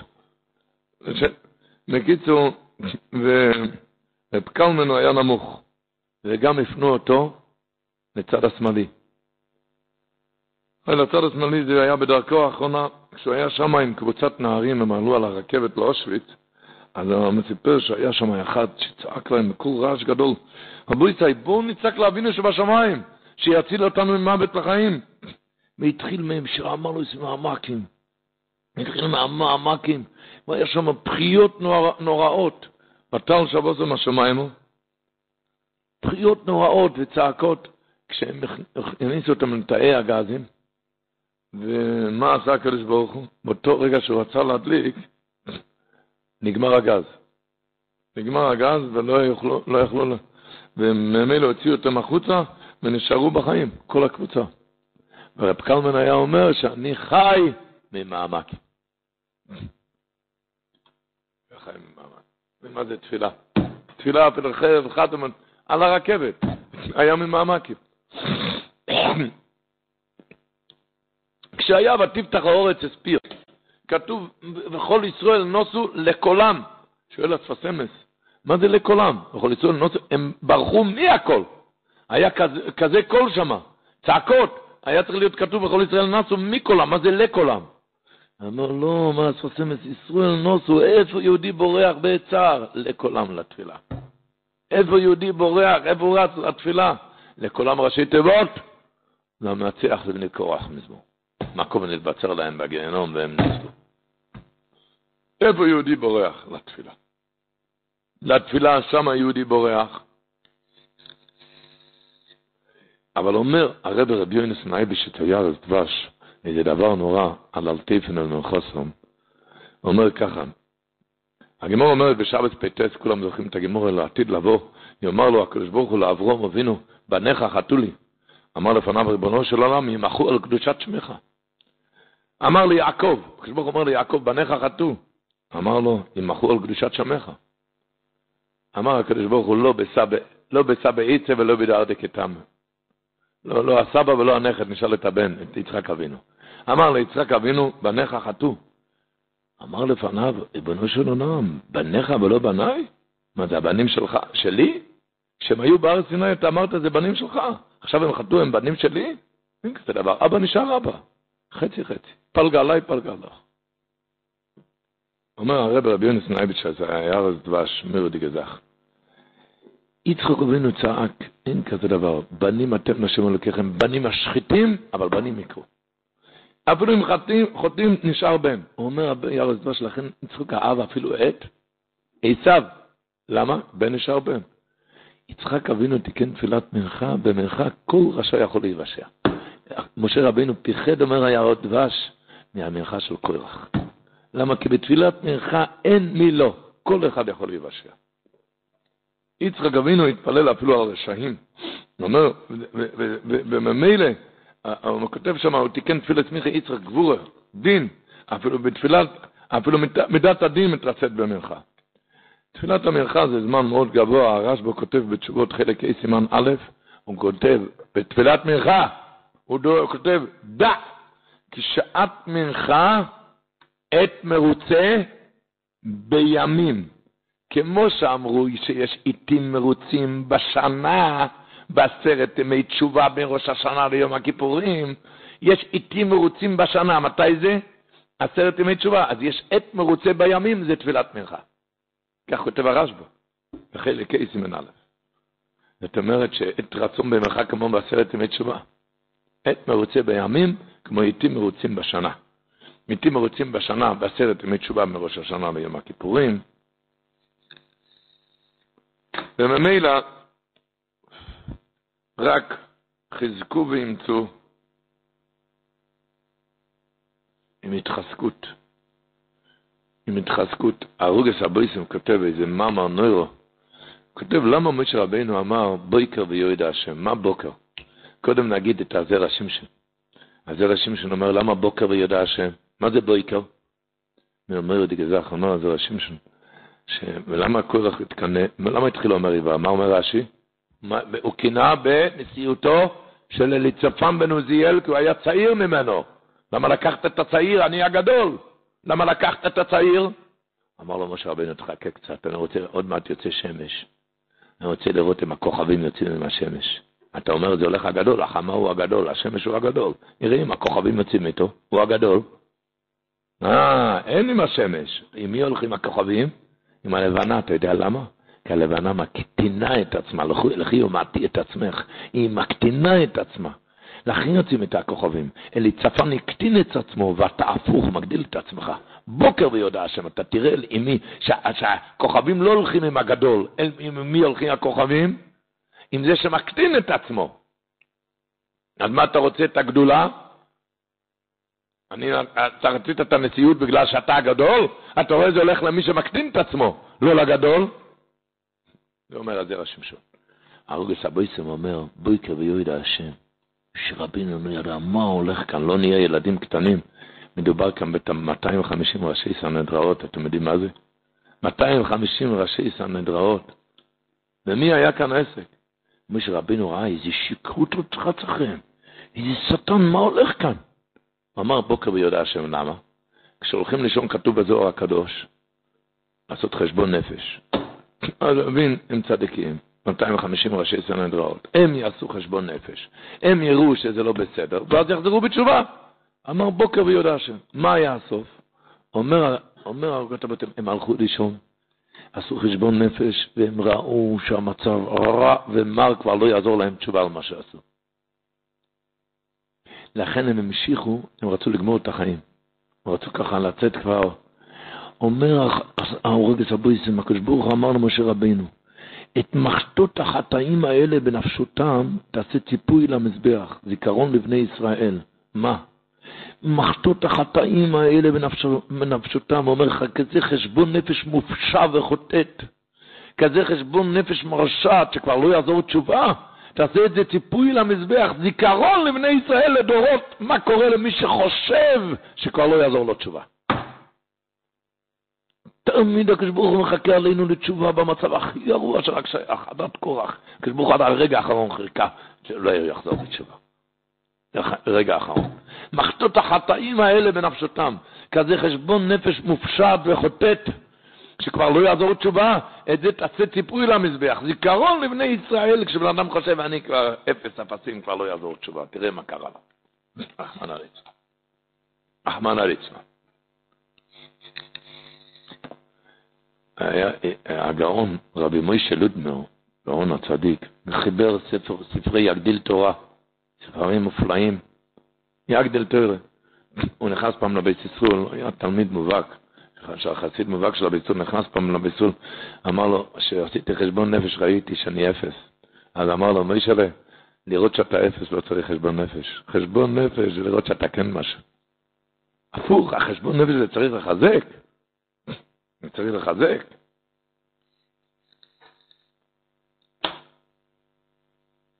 למה אומרים למצליח להביא כוח מזמור לפני התקיעות? כי בני קורח, אומר התריסקי מגיד, בני קורח, אומרים, אומרים ילדים לפני התקיעות, לפעמים בחור יכול לעמוד איזה איוש, כי עבדה תקוותו, אוי, אני פשעתי, לא יעיל תשובה, לכן אומרים אז למה צריך בני קורח מזמור, שבני קורח כבר נבלעו באדמה, ברגע האחרון ערערו בתשובה וזכו שמקום נתבצר להם בגיהנום. מהם ילמד כל איש ישראל, שאפילו בתוך האדמה, כל אחד ואחד, לחזור בתשובה. מסופר שהדברי חיים מצאנז. היה פעם מצאנז איזו אלמנה עם 14 ילדים ונהיית חולה. ובאו להזכיר לדברי חיים שהרופאים אמרו לכל המניין. כבר, כבר יציאת, היא, הולכת, הולכת לגסוס. הדברי חיים נכנס לבית כנסת, פתח את הארון קודש וצעק. מגזירת עירים פתגמה, צדיק גוזר והקדוש ברוך הוא מקיים, ריבונו של עולם, אני לא מרשה. היא אלמנה, יש כאן ילדים, אין מי שיגדל אותם. היה, אין אבא, והאימא חולה, אני גוזר שחייב להיות ברפואה שלמה, צדיק גוזר והקדוש ברוך הוא מקיים. ולא צריך להגיד מה ההמשך שהיא הבריאה. היה לו בן, קראו לו הרב הקדוש רבי ברוך מגורליץ, שהיה, כידוע, היה מסוגל לשאול את האבא ככה, אז הוא נכנס לאבא, אמר לו, אבא, שמעתי אותך אומר, אתה צדיק גוזר? אני בעצמי, עם האוזניים שלי, שמעתי לפני יומיים, איך שאתה ממרר בבכי, שאתה מתבייש להיכנס לבית הכנסת כי אתה חוטא ופושע. אני בעצמי שמעתי את זה באוזניים שלי. איך אתה אמרת לעצמך, אתה צדיק יותר? אני אמרתי, אני שמעתי איך שאתה אומר בשקט, אני מתבייש להיכנס לבית הכנסת כי אני חוטא פושע, מתבייש לפני המקום. מי אנוכי שיזכה להתפלל ואנוכי איש חוטא פושע, ככה אתה אמרת. איך אתה אמרת עכשיו צדיק יותר?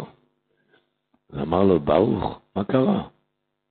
פושע, היום צדיק, עשיתי תשובה, מה, מה? אנחנו נתברך שנהיה את הפושע של אתמול, מה שהיה אצל הדברי חיים, כן? אבל הלימוד מכאן, מה הקשר? אתמול פושע, היום צדיק.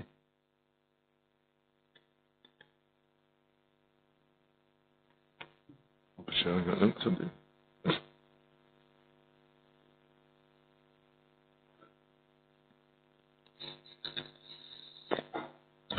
היצר הרע, העבודה שלו, שהולך, עושה את הבן אדם ככה שחור משחור, שהוא כבר מסונק. יש לבן אדם שכל, אומרים יצר הרע דומה לזבוב. מה זבוב? ראיתם פעם זבוב? זבוב רואה חתיכת בשר, הוא רואה שהוא לא יכול לאכול מהבשר הטוב והרענן, הוא מחפש איזה מקום שיש שם רימה וריקבון, ושם מוצא את זה, הוא מתיישב שם על הנעתו, איפה על מקום הרימה והריקבון. אז אחד שרואה בשר שיש עליו זבוב, הוא חושב שהבשר מקולקל, אבל זה לא נכון, כי הבשר ברובו בשר טוב. רק יש שם מעט טרימה, שם התיישב הזבוב, כן? אותו דבר יצר הרע דומה לזבוב, שמה? הוא רוצה להפיל לאדם ברשתו, הוא מחפש בשבע עיניים איזה קלקול קטן שיש באדם, ושם הוא מתיישב עליו. מחפש בשבע עיניים איזה קלקול קטן, כשהבן אדם רואה את הזבוב עליו, הנופלת רחוב בקרבו, חשכו עיניו, אוי ולי, היצר הרע תפס אותי, אבל האמת היא, הוא עדיין מלא בטוב, רק היצר הרע מצא איזה נקודה קטנה, מקום להתגדר בו. אז בוודאי שהוא צריך לתקן את הקלקול, אבל היצר הרע לא ישתלט עליך, כמו על הבשר. הוא חיפש איזה, איזה נקודה רע, ואתה אומר, אוי, היצר הרע תפס אותו, לא תפס אותך. נדמה לך. עוד נקודה, רבותיי. אומרים, בשם הרב רב דוד מללב, שהוא אמר, שיהודי הרי צריך לדעת שכל בן אדם במצב שהקדוש ברוך הוא שם אותך, שם תמלא את התפקיד שלך. ואם אתה ממלא את התפקיד שלך, אדם פשוט, ממלא את שליחותו בעולם, אז הוא חשוב לפני בורא עולם כאדם הגדול בעבודתו הגדולה. אז היה אומר ככה. אמר רב דוד לעלובר שאם קורח היה יודע שאפשר לשבת מתחת לפייטליק, אתם יודעים מה זה פייטליק? פייטליק זה היה תנור חימום בפוילן. זה היה, לא היום כמו היום תנורים, זה היה גם בניין של התנור, שמתחת לתנור ישבו שם כל הסוגים החלשים שבעם, תבינו לבד. כל הסיווגים ישבו שם. אז הוא אמר, אם כוח היה יודע שאפשר לשבת תחת לפייטליק, ושם לעבוד את בורא עולם, וזה יהיה לרצון לפני הקדוש ברוך הוא, כמו הכהן גדול לפני ולפנים. לא היה מתחיל שום דבר. לא היה מתחיל שום דבר. הטעות שלו היה רק בגלל שדימה בנפשו שיש הבדל בין לפייטליק ללפני ולפנים. זה עלינו לדעת הפרשה הזאת. אתה במצב שהקדוש ברוך הוא שם אותך, שמה תעבוד את בורא עולם. איך אמר וורט מתוק על זה, רב שניאור קוטלו, שהולכים להגיד, אומרים ביום שני, דיבינו אלוקים חסדך בקרב היכליך, כשמך אלוקים קנטלתך על קצווי ארץ. אמר בזה את הפסוק ככה. דימינו, אנחנו דימינו בעצמנו, שרק בקרב היכליך, דימינו אלוקים חסדך בקרב היכליך, רק בקודש הקודשים דימה, ב... מה מתחילים ביום שני בשבת? שיר מזמור לבני קורח. זה בני קורח אמרו. דימינו אלוקים חסדיך, שאיפה אפשר לעבוד אותך? בקרב היכליך, רק בקודש הקודשים. לכן קורח ביקש כהונה גדולה, הוא יוכל להיכנס לפני ולפנים. בסוף הם חזרו בתשובה בני קורח. אמרו כי כשמך אלוקים כן תלתך על קצרי ארץ. שלא צריך להגיע לקרב היכליך דייקה להשיג, אלא ניתן להשיג תהילתך בכל קצרי ארץ, אפילו במקומות הרחוקים ביותר. למה? כי הגמור אומרת בסנהדרין ק"י, מקום נתבצר להם בגיהנום, וישבו עליו ואמרו שירה. שאפילו אם בן אדם נמצא בגיהנום, בגיהנום, כאן, כאן בעולם הזה באיזה גיהנום. ושם גם תשאיר שירה לעבוד את הקדוש ברוך הוא, לא רק לפני ולפנים. דימינו, אנחנו דימינו אליקים חסדך בקרב היכליך, שרק בקודש הקודשים זה אמרו בני כוח. רק שם אפשר להגיד שירה. אבל אחר כך הם ראו כשמך אלוקים כן תפילתך על כת וארץ.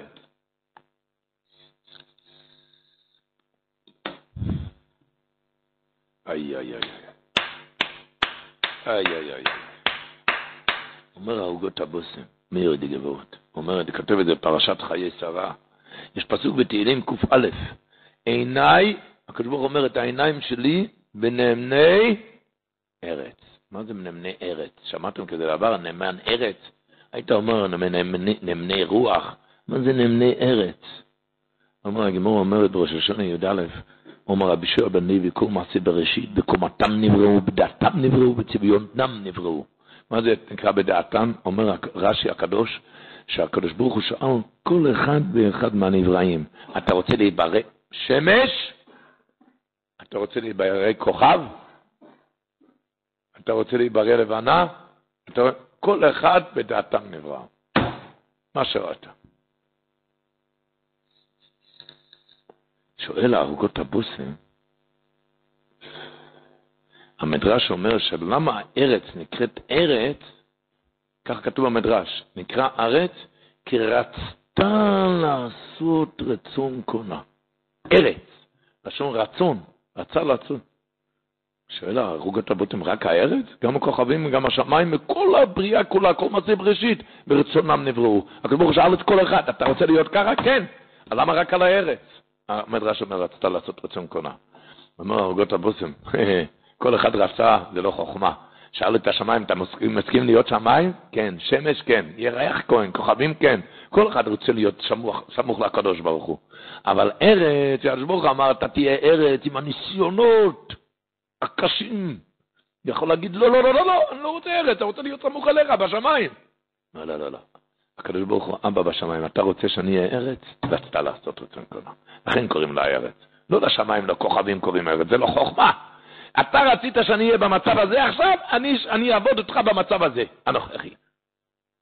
אומר הקדוש ברוך הוא, עיניי בנאמני ארץ, ארץ, ושעובד אותי כמו ארץ. איפה שאני שמתי אותו, שם עובד אותי. אני אגיד, אקריא את הלשון, לשון קודשו, תשמעו טוב, הוא כותב, ומזה ניקח, ניקח מוסר.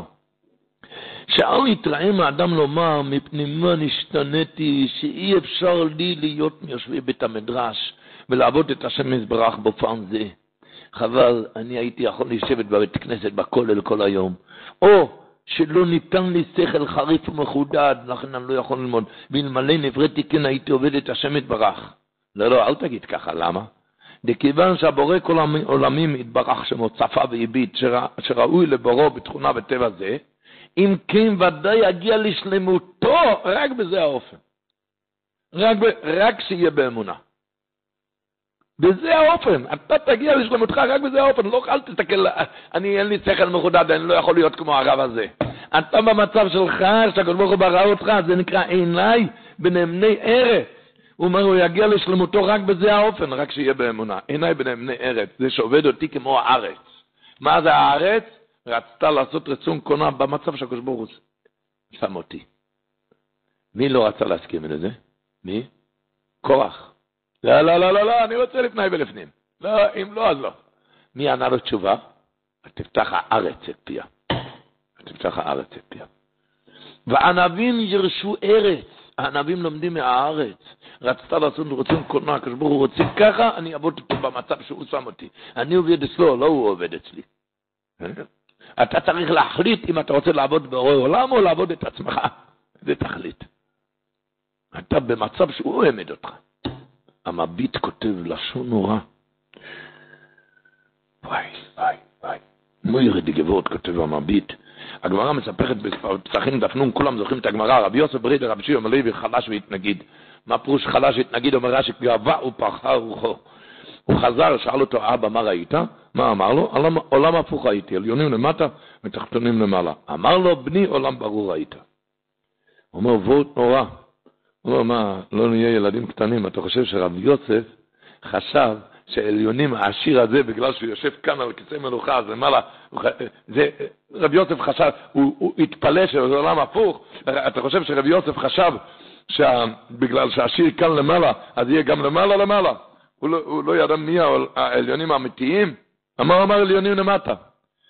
רבי ישראל, זה המביט, רבינו המביט אומר את זה בהקדמה לספרו בית אלוקים, אומר מירד גבורת. שזה בטוח שרבי יוסף לא התכוון לעליונים בגת משניות, הוא התכוון לעליונים ברוחניות. מה הפירוש? הוא ראה שכאן בעולם למשל, יש אחד שעוסק בתורה עשר שעות משל, ויש אחד שעוסק רק חמש שעות. כאן בעולם הזה, למי אתה מכבד יותר? ודאי מי שלומד חמש שעות, עשר שעות, עשר שעות. כי הוא לומד פי כפול, יש פעמים שפי שלוש אפילו. הוא הגיע לעולם האמת, לא, לא, לא, לא. זה מחמש שעות למעלה וזה מעשר שעות למטה. למה? אז זה צעק רב יוסף, עולם הפוך הייתי. זה נקרא הפוך משורת הדין. הוא למד, אני זוכר, הוא למד שעתיים, מה הוא למעלה? הוא למד עשר שעות, למה לא למטה? אז הוא צעק, רב יוסף, עולם הפוך הייתי. אמר לו, אבא, אתה טועה, כך אומר הבמבית, בני עולם ברור היית, למה? כי זה שלמד עשר שעות, אבל לפי כישרונותיו ותכונת נפשו, יכל ללמוד 12 שעות. יוצא שלא מילא את התפקיד בשלמות, לכן הוא למטה. לעומתו, זה שלא היה לו כוח ללמוד יותר מחמש שעות ביום, הוא לא יכל יותר, בגלל, או בגלל שלא היה לו את השכל, או בגלל שהיה לו עסוק בפרנסה, בשאר תרגילות. הוא מילא את התפקיד, אז הוא יותר במעלה מזה שלמד יותר שעות. למעלה לא סופרים שעות. הנה, הקדוש ברוך הוא מחשב עם כל אחד בדיוק כמה היה יכול לעשות וכמה עשה בפועל. מוירה די גבורת. זה הפירוש של יונים למטה. ככה, כאן נראה צריכים לכבד אותו. שמע, תראה מה הוא עושה. אה, הוא בסדר, שלוש שעות, הוא בסדר. מגיע למעלה ואם הוא לא, לא בסדר והוא בסדר. זה למד פחות, אבל, אבל הוא מילא את התפקיד.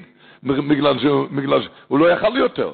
לא יכל ללמוד יותר מחמש שעות. או בגלל מיעוט שכלו, או בגלל שהיה עסוק בפרנסת נטו שאר טרדות. הוא מילא את התפקיד וממילא הוא למעלה.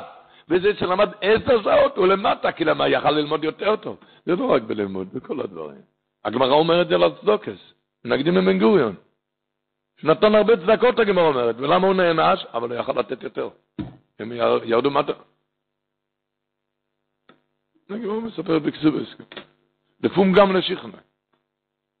לפי כמה שיש כוח לגמל, הוא ממילא, רבותיי, לדעת לעבוד. אנחנו נסיים בעניין אחר. כתוב השבוע, ויפלו על פניהם, אצל משה רבינו, פרק ט"ז, פסק חובי משה ואהרן, ויפלו על פניהם. הרבינו בחי אומר, מה זה היה ויפלו על פניהם, מה זה? נפילה זו זה היה לצורך תפילה, לא כתוב מה, כתוב ויפלו על פניהם, אבל לא כתוב בפסוק, לא כתוב על מה. רבינו בחי אומר, בפסוק רק כתוב ויפלו על פניהם. ויאמרו, כל אלוקי הרוחס וכל בוסו, האיש אחד יחטב על כל עדה תקצוף, אבל לא כתוב על מה, אומר רבינו בחי שנפילה זו הייתה לצורך תפילה. ומכאן מקור ושמח למנהג נפילת אפיים בתפילה. ורבינו בחי, כדאי ללמוד את זה בפנים, הוא מרחיב, מסביר מה זה שורש נפילת אפיים.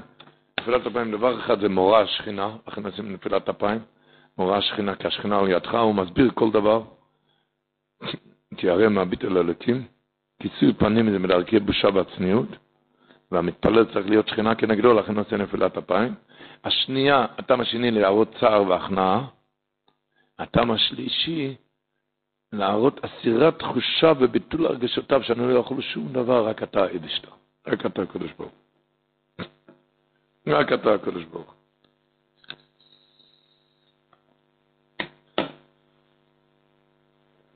מביא תלמיד של החתם סופר, דבר נורא, הנרדע זרוב, שכותב, ואני אקריא את הלשון, שמה שנראה התעוררות גדולה לבחיות ותשובה בימים הנוראים, בקיבוץ אצל רבנים גדולים וקדושים, מה שאתה רואה כל נדרה לפני תקיעות, בחיות ותשובה, נכון? עוד ביותר היה אצל רבנו הגאון בעל סופר, כל שבוע פעמיים באמירת ביאור רחום בתחנות. ורושם גדול נשאר גם בזה אצל תלמידיו, ככה הוא כתוב. מה שאתה רואה אצל גדולי עולם, ראש השנה, יום כיפור, כל נדרה, יותר, הרבה יותר מזה, הוא כותב, היה אצל רבנו פעמיים בשבוע כשאמר אבו רחום.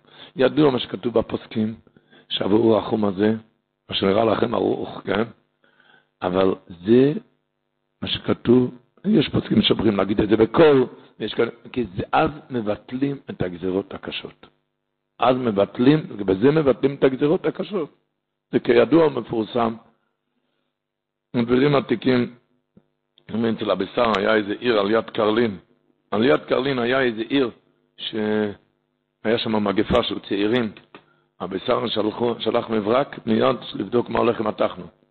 ראו שבאמת הם עושים שם הכל, כל, כשיש חתן, כשאין חתן הם עושים משהו, הם עושים שם כל, כל, כל יום יום את הפגרה, אמר לתקן את, החנ... לתקן את הדבר מתפילת תחנון ומיד המגפה נעצרה. נעצרה. זה דבר, מסופר שאצל הרדשיצו נכנס, כתוב בספר, שנכנס אחד קוצקר נכנס לרדישיצר והוא שפך במר ליבו על מזלו שנתהפך וירד מטה מטה. גם בבנו, גם בחיה, גם במזיני. נהיה יורד לו עלינו. שאל אותו הרדישיצר אם הוא מקפיד על תחנון, מתבייש לענות. שאל אותו פעם שנייה, אז בלית ברירה הוא ענה שאצלי כל הימים זה מדי פגרי. הוא לא, הוא לא, הוא לא אומר תחנות. אז אמר לו, תשמע, אתה חייב להשלים את כל התחנון שהחסרת. אתה יודע כמה פעמים החסרת? הוא אמר לו, ידעתי. כי מימי נעוריי אני כבר רגיל בזה. אמר לו, תשב ותעשה חשבון, זה עלה כמה אלפים פעם, וציווה עליו שיחזור על כל התחנון. בקיצור, הוא חזר על זה, ואמר לו כמובן שיקבל על עצמו בתנאי שכל יום אומר תחנון, וכעבור כמה שבועות גמר את הסכום, ומיד ביום שגמר את הסכום, הצליח להצליח, להתחיל להצליח, לעלות מעלה מעלה, עד שהתעשר וראה פלאות. הרי אותי את מעשיי, קיפחתי את פרנסתי. בווידוי, הרי שמה אומרים, אשמתי בגדתי. אז אחד שאומר את זה, אז יש לו את הפרנסה, אבל לא אומר את הווידוי, לא אומר את הווידוי. במקום להכות עם היד על הלב, אז אחר כך הוא אוכל את הלב מהפרנסה. אבל אותי את מעשיי, אם אתה אומר, אתה אומר את הווידוי, אתה מתוודה. אם אתה לא אומר וידוי, אני מתשב. המעניין הוא שאצל נוהגים מנהג ספרד, זה ידוע, שביום שאומרים תחנון אומרים תפילו לדוד גם. אתה יושב על באותו סיפור כתוב על השינה ורוב, שמישהו הזכיר את עצמו שהוא יורד, נהיה יורד, היה לו פרנוסה ונהיה יורד החוסר, אז הוא שאל אותי אם הוא מקפיד על התפילות לדוד, לא, אני ממהר. הוא ממהר. אז אמר לו, גם אותו דבר כתוב שם, שישלים את כל התפילה לדוד שלו אמר, שישלים תפילה לדוד, והוא עלה בחזרה מעלה מעלה, בחינם. רבי סוזלמן מלצר היה לו חברוס, הנכד שלו. בקיצור, והוא היה לו חברוס, למד איתו לפנות בוקר, ואחר כך הם התפללו בשטיבל בירושלים, והם למדו, הם הגיעו שם לתלמיד רבינו יונה במסכת ברכות, שמדבר על הנץ, הוא ראה כמה שהנץ חשוב, יש ראשונים שסוברים שה... בקיצור, אמר לו, ממחר מתחילים להתפלל נץ. מחר הוא הלך להתפלל נץ, מחרתיים הוא כבר לא היה רבי סוזלמן. אז הנכד שאל אותו, סבא, מה? אז אמר לו, לא יכולתי לוותר על התפילה לדוד שאומרים שם. שם אומרים, בנוסח ספרד אומרים תפילה לדוד, ובנץ היה בנוסח אשכנז שלא היה תפילה לדוד, זה היה סיבה אחת, ואמר עוד סיבה, שם כשהיה מקפל את הטלית וגמרו את התפילה, הציבור עבר, אמר לכל אחד מילה טובה, בוקר טוב, חיוך, דבר שהיה חשוב להם.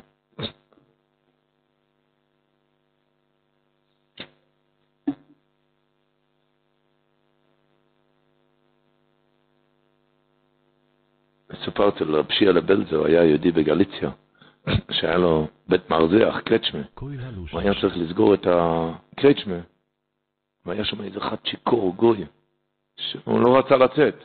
הוא צעק עליו שיצא. בקיצור, השיכור יצא, ונתקע הרגל שלו במשהו ונפל על הראש, על הראש, שטף דם במוח, ומיד מת.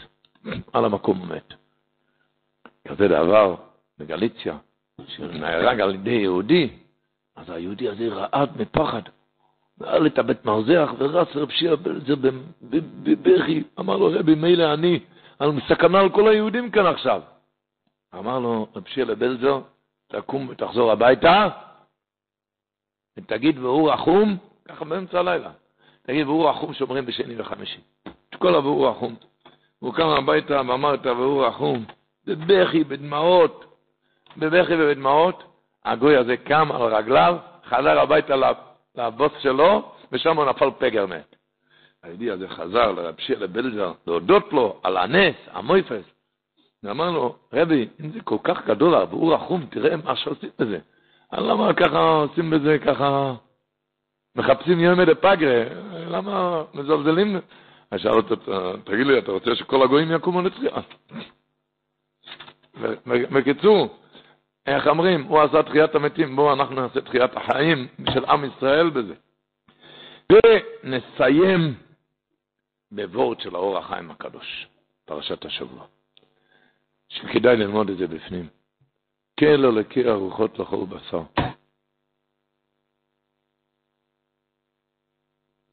מה שרבינו התפלל, ויפלו על פניהם ויאמרו, אלוקי הרוחש לכל בשר. ואיש אחד יחתו על כל העדו תקצף. מה היה כאן?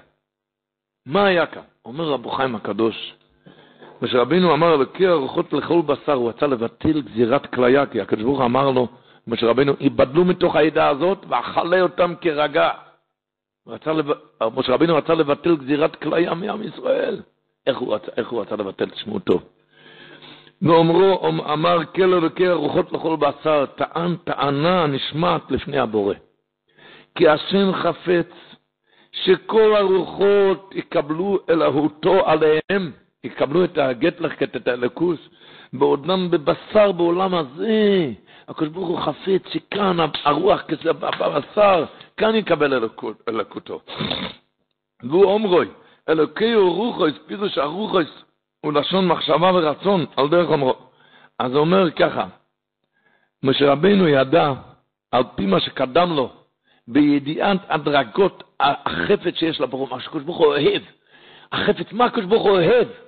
המדרגה הראשונה, מה שהוא אוהב, א', ראשונה, זה נקרא קומה תחתונה, קומה ראשונה. האלף הוא שבח והלל אשר ייתנו לו צבו מעלו. מה שכול הצבא השמיים אומרים לו שבח זה קומה ראשונה. למעלה ממנו, מה קומה יותר גדולה? שבח והלל אשר ייתנו לו נשמות הצדיקים משני אוצרות החיים. מה זה שני אוצרות החיים? אוצר אחד של נשמות שעדיין לא באו לעולם הזה, מה שהם אומרים שירה למעלה,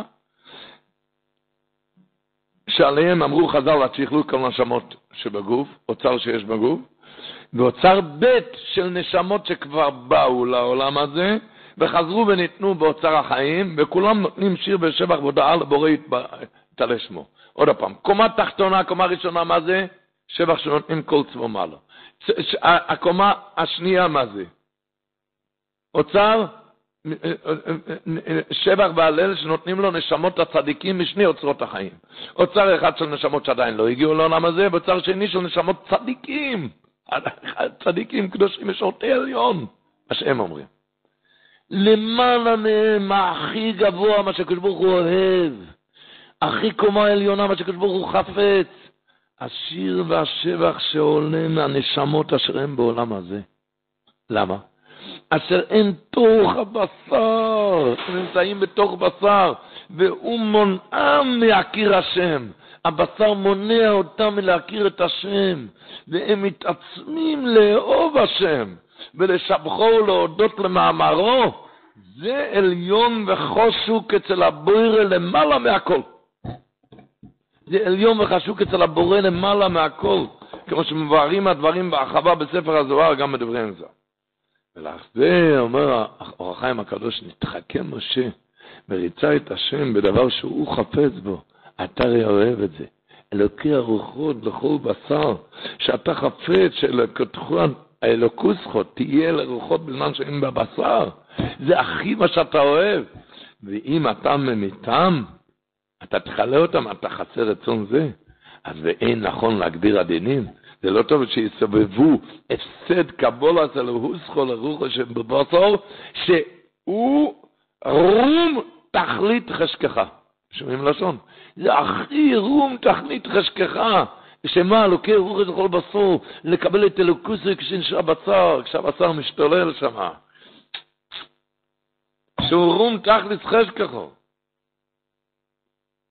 לדעת שאתה אומר ברוך שומע. יותר ממלאכים, יותר מצדיקים משורתי עליון. איך אמר לו הבעל התניא? מלאך אומר שירה זה לא חוכמה, אבל אתה, בן אדם, שלוש ימים, תן, ארבע ימים אל תיתן לו אוכל לפה. אתה יכול להגיד אומר יש מרבא? לא. אז תעשה כמו יש מרבא מצווה, כמו יש מרבא בשר, צועק. אכלת בשר, או חלב, לא משנה. החלב הבצר צריך לקבל משפחה, אבל זה חידוש, זה רום תחת השכחה של הקדוש ברוך הוא.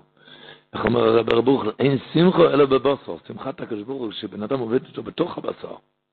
הקדוש ברוך הוא יאריך ימינו ושנותינו בטוב ומנעים, מנעימים, ועושה שלום מברמיו, הוא יעשה שלום עלינו. עולם שלם של תוכן מחכה לך בכל הלשון, 03 617 1111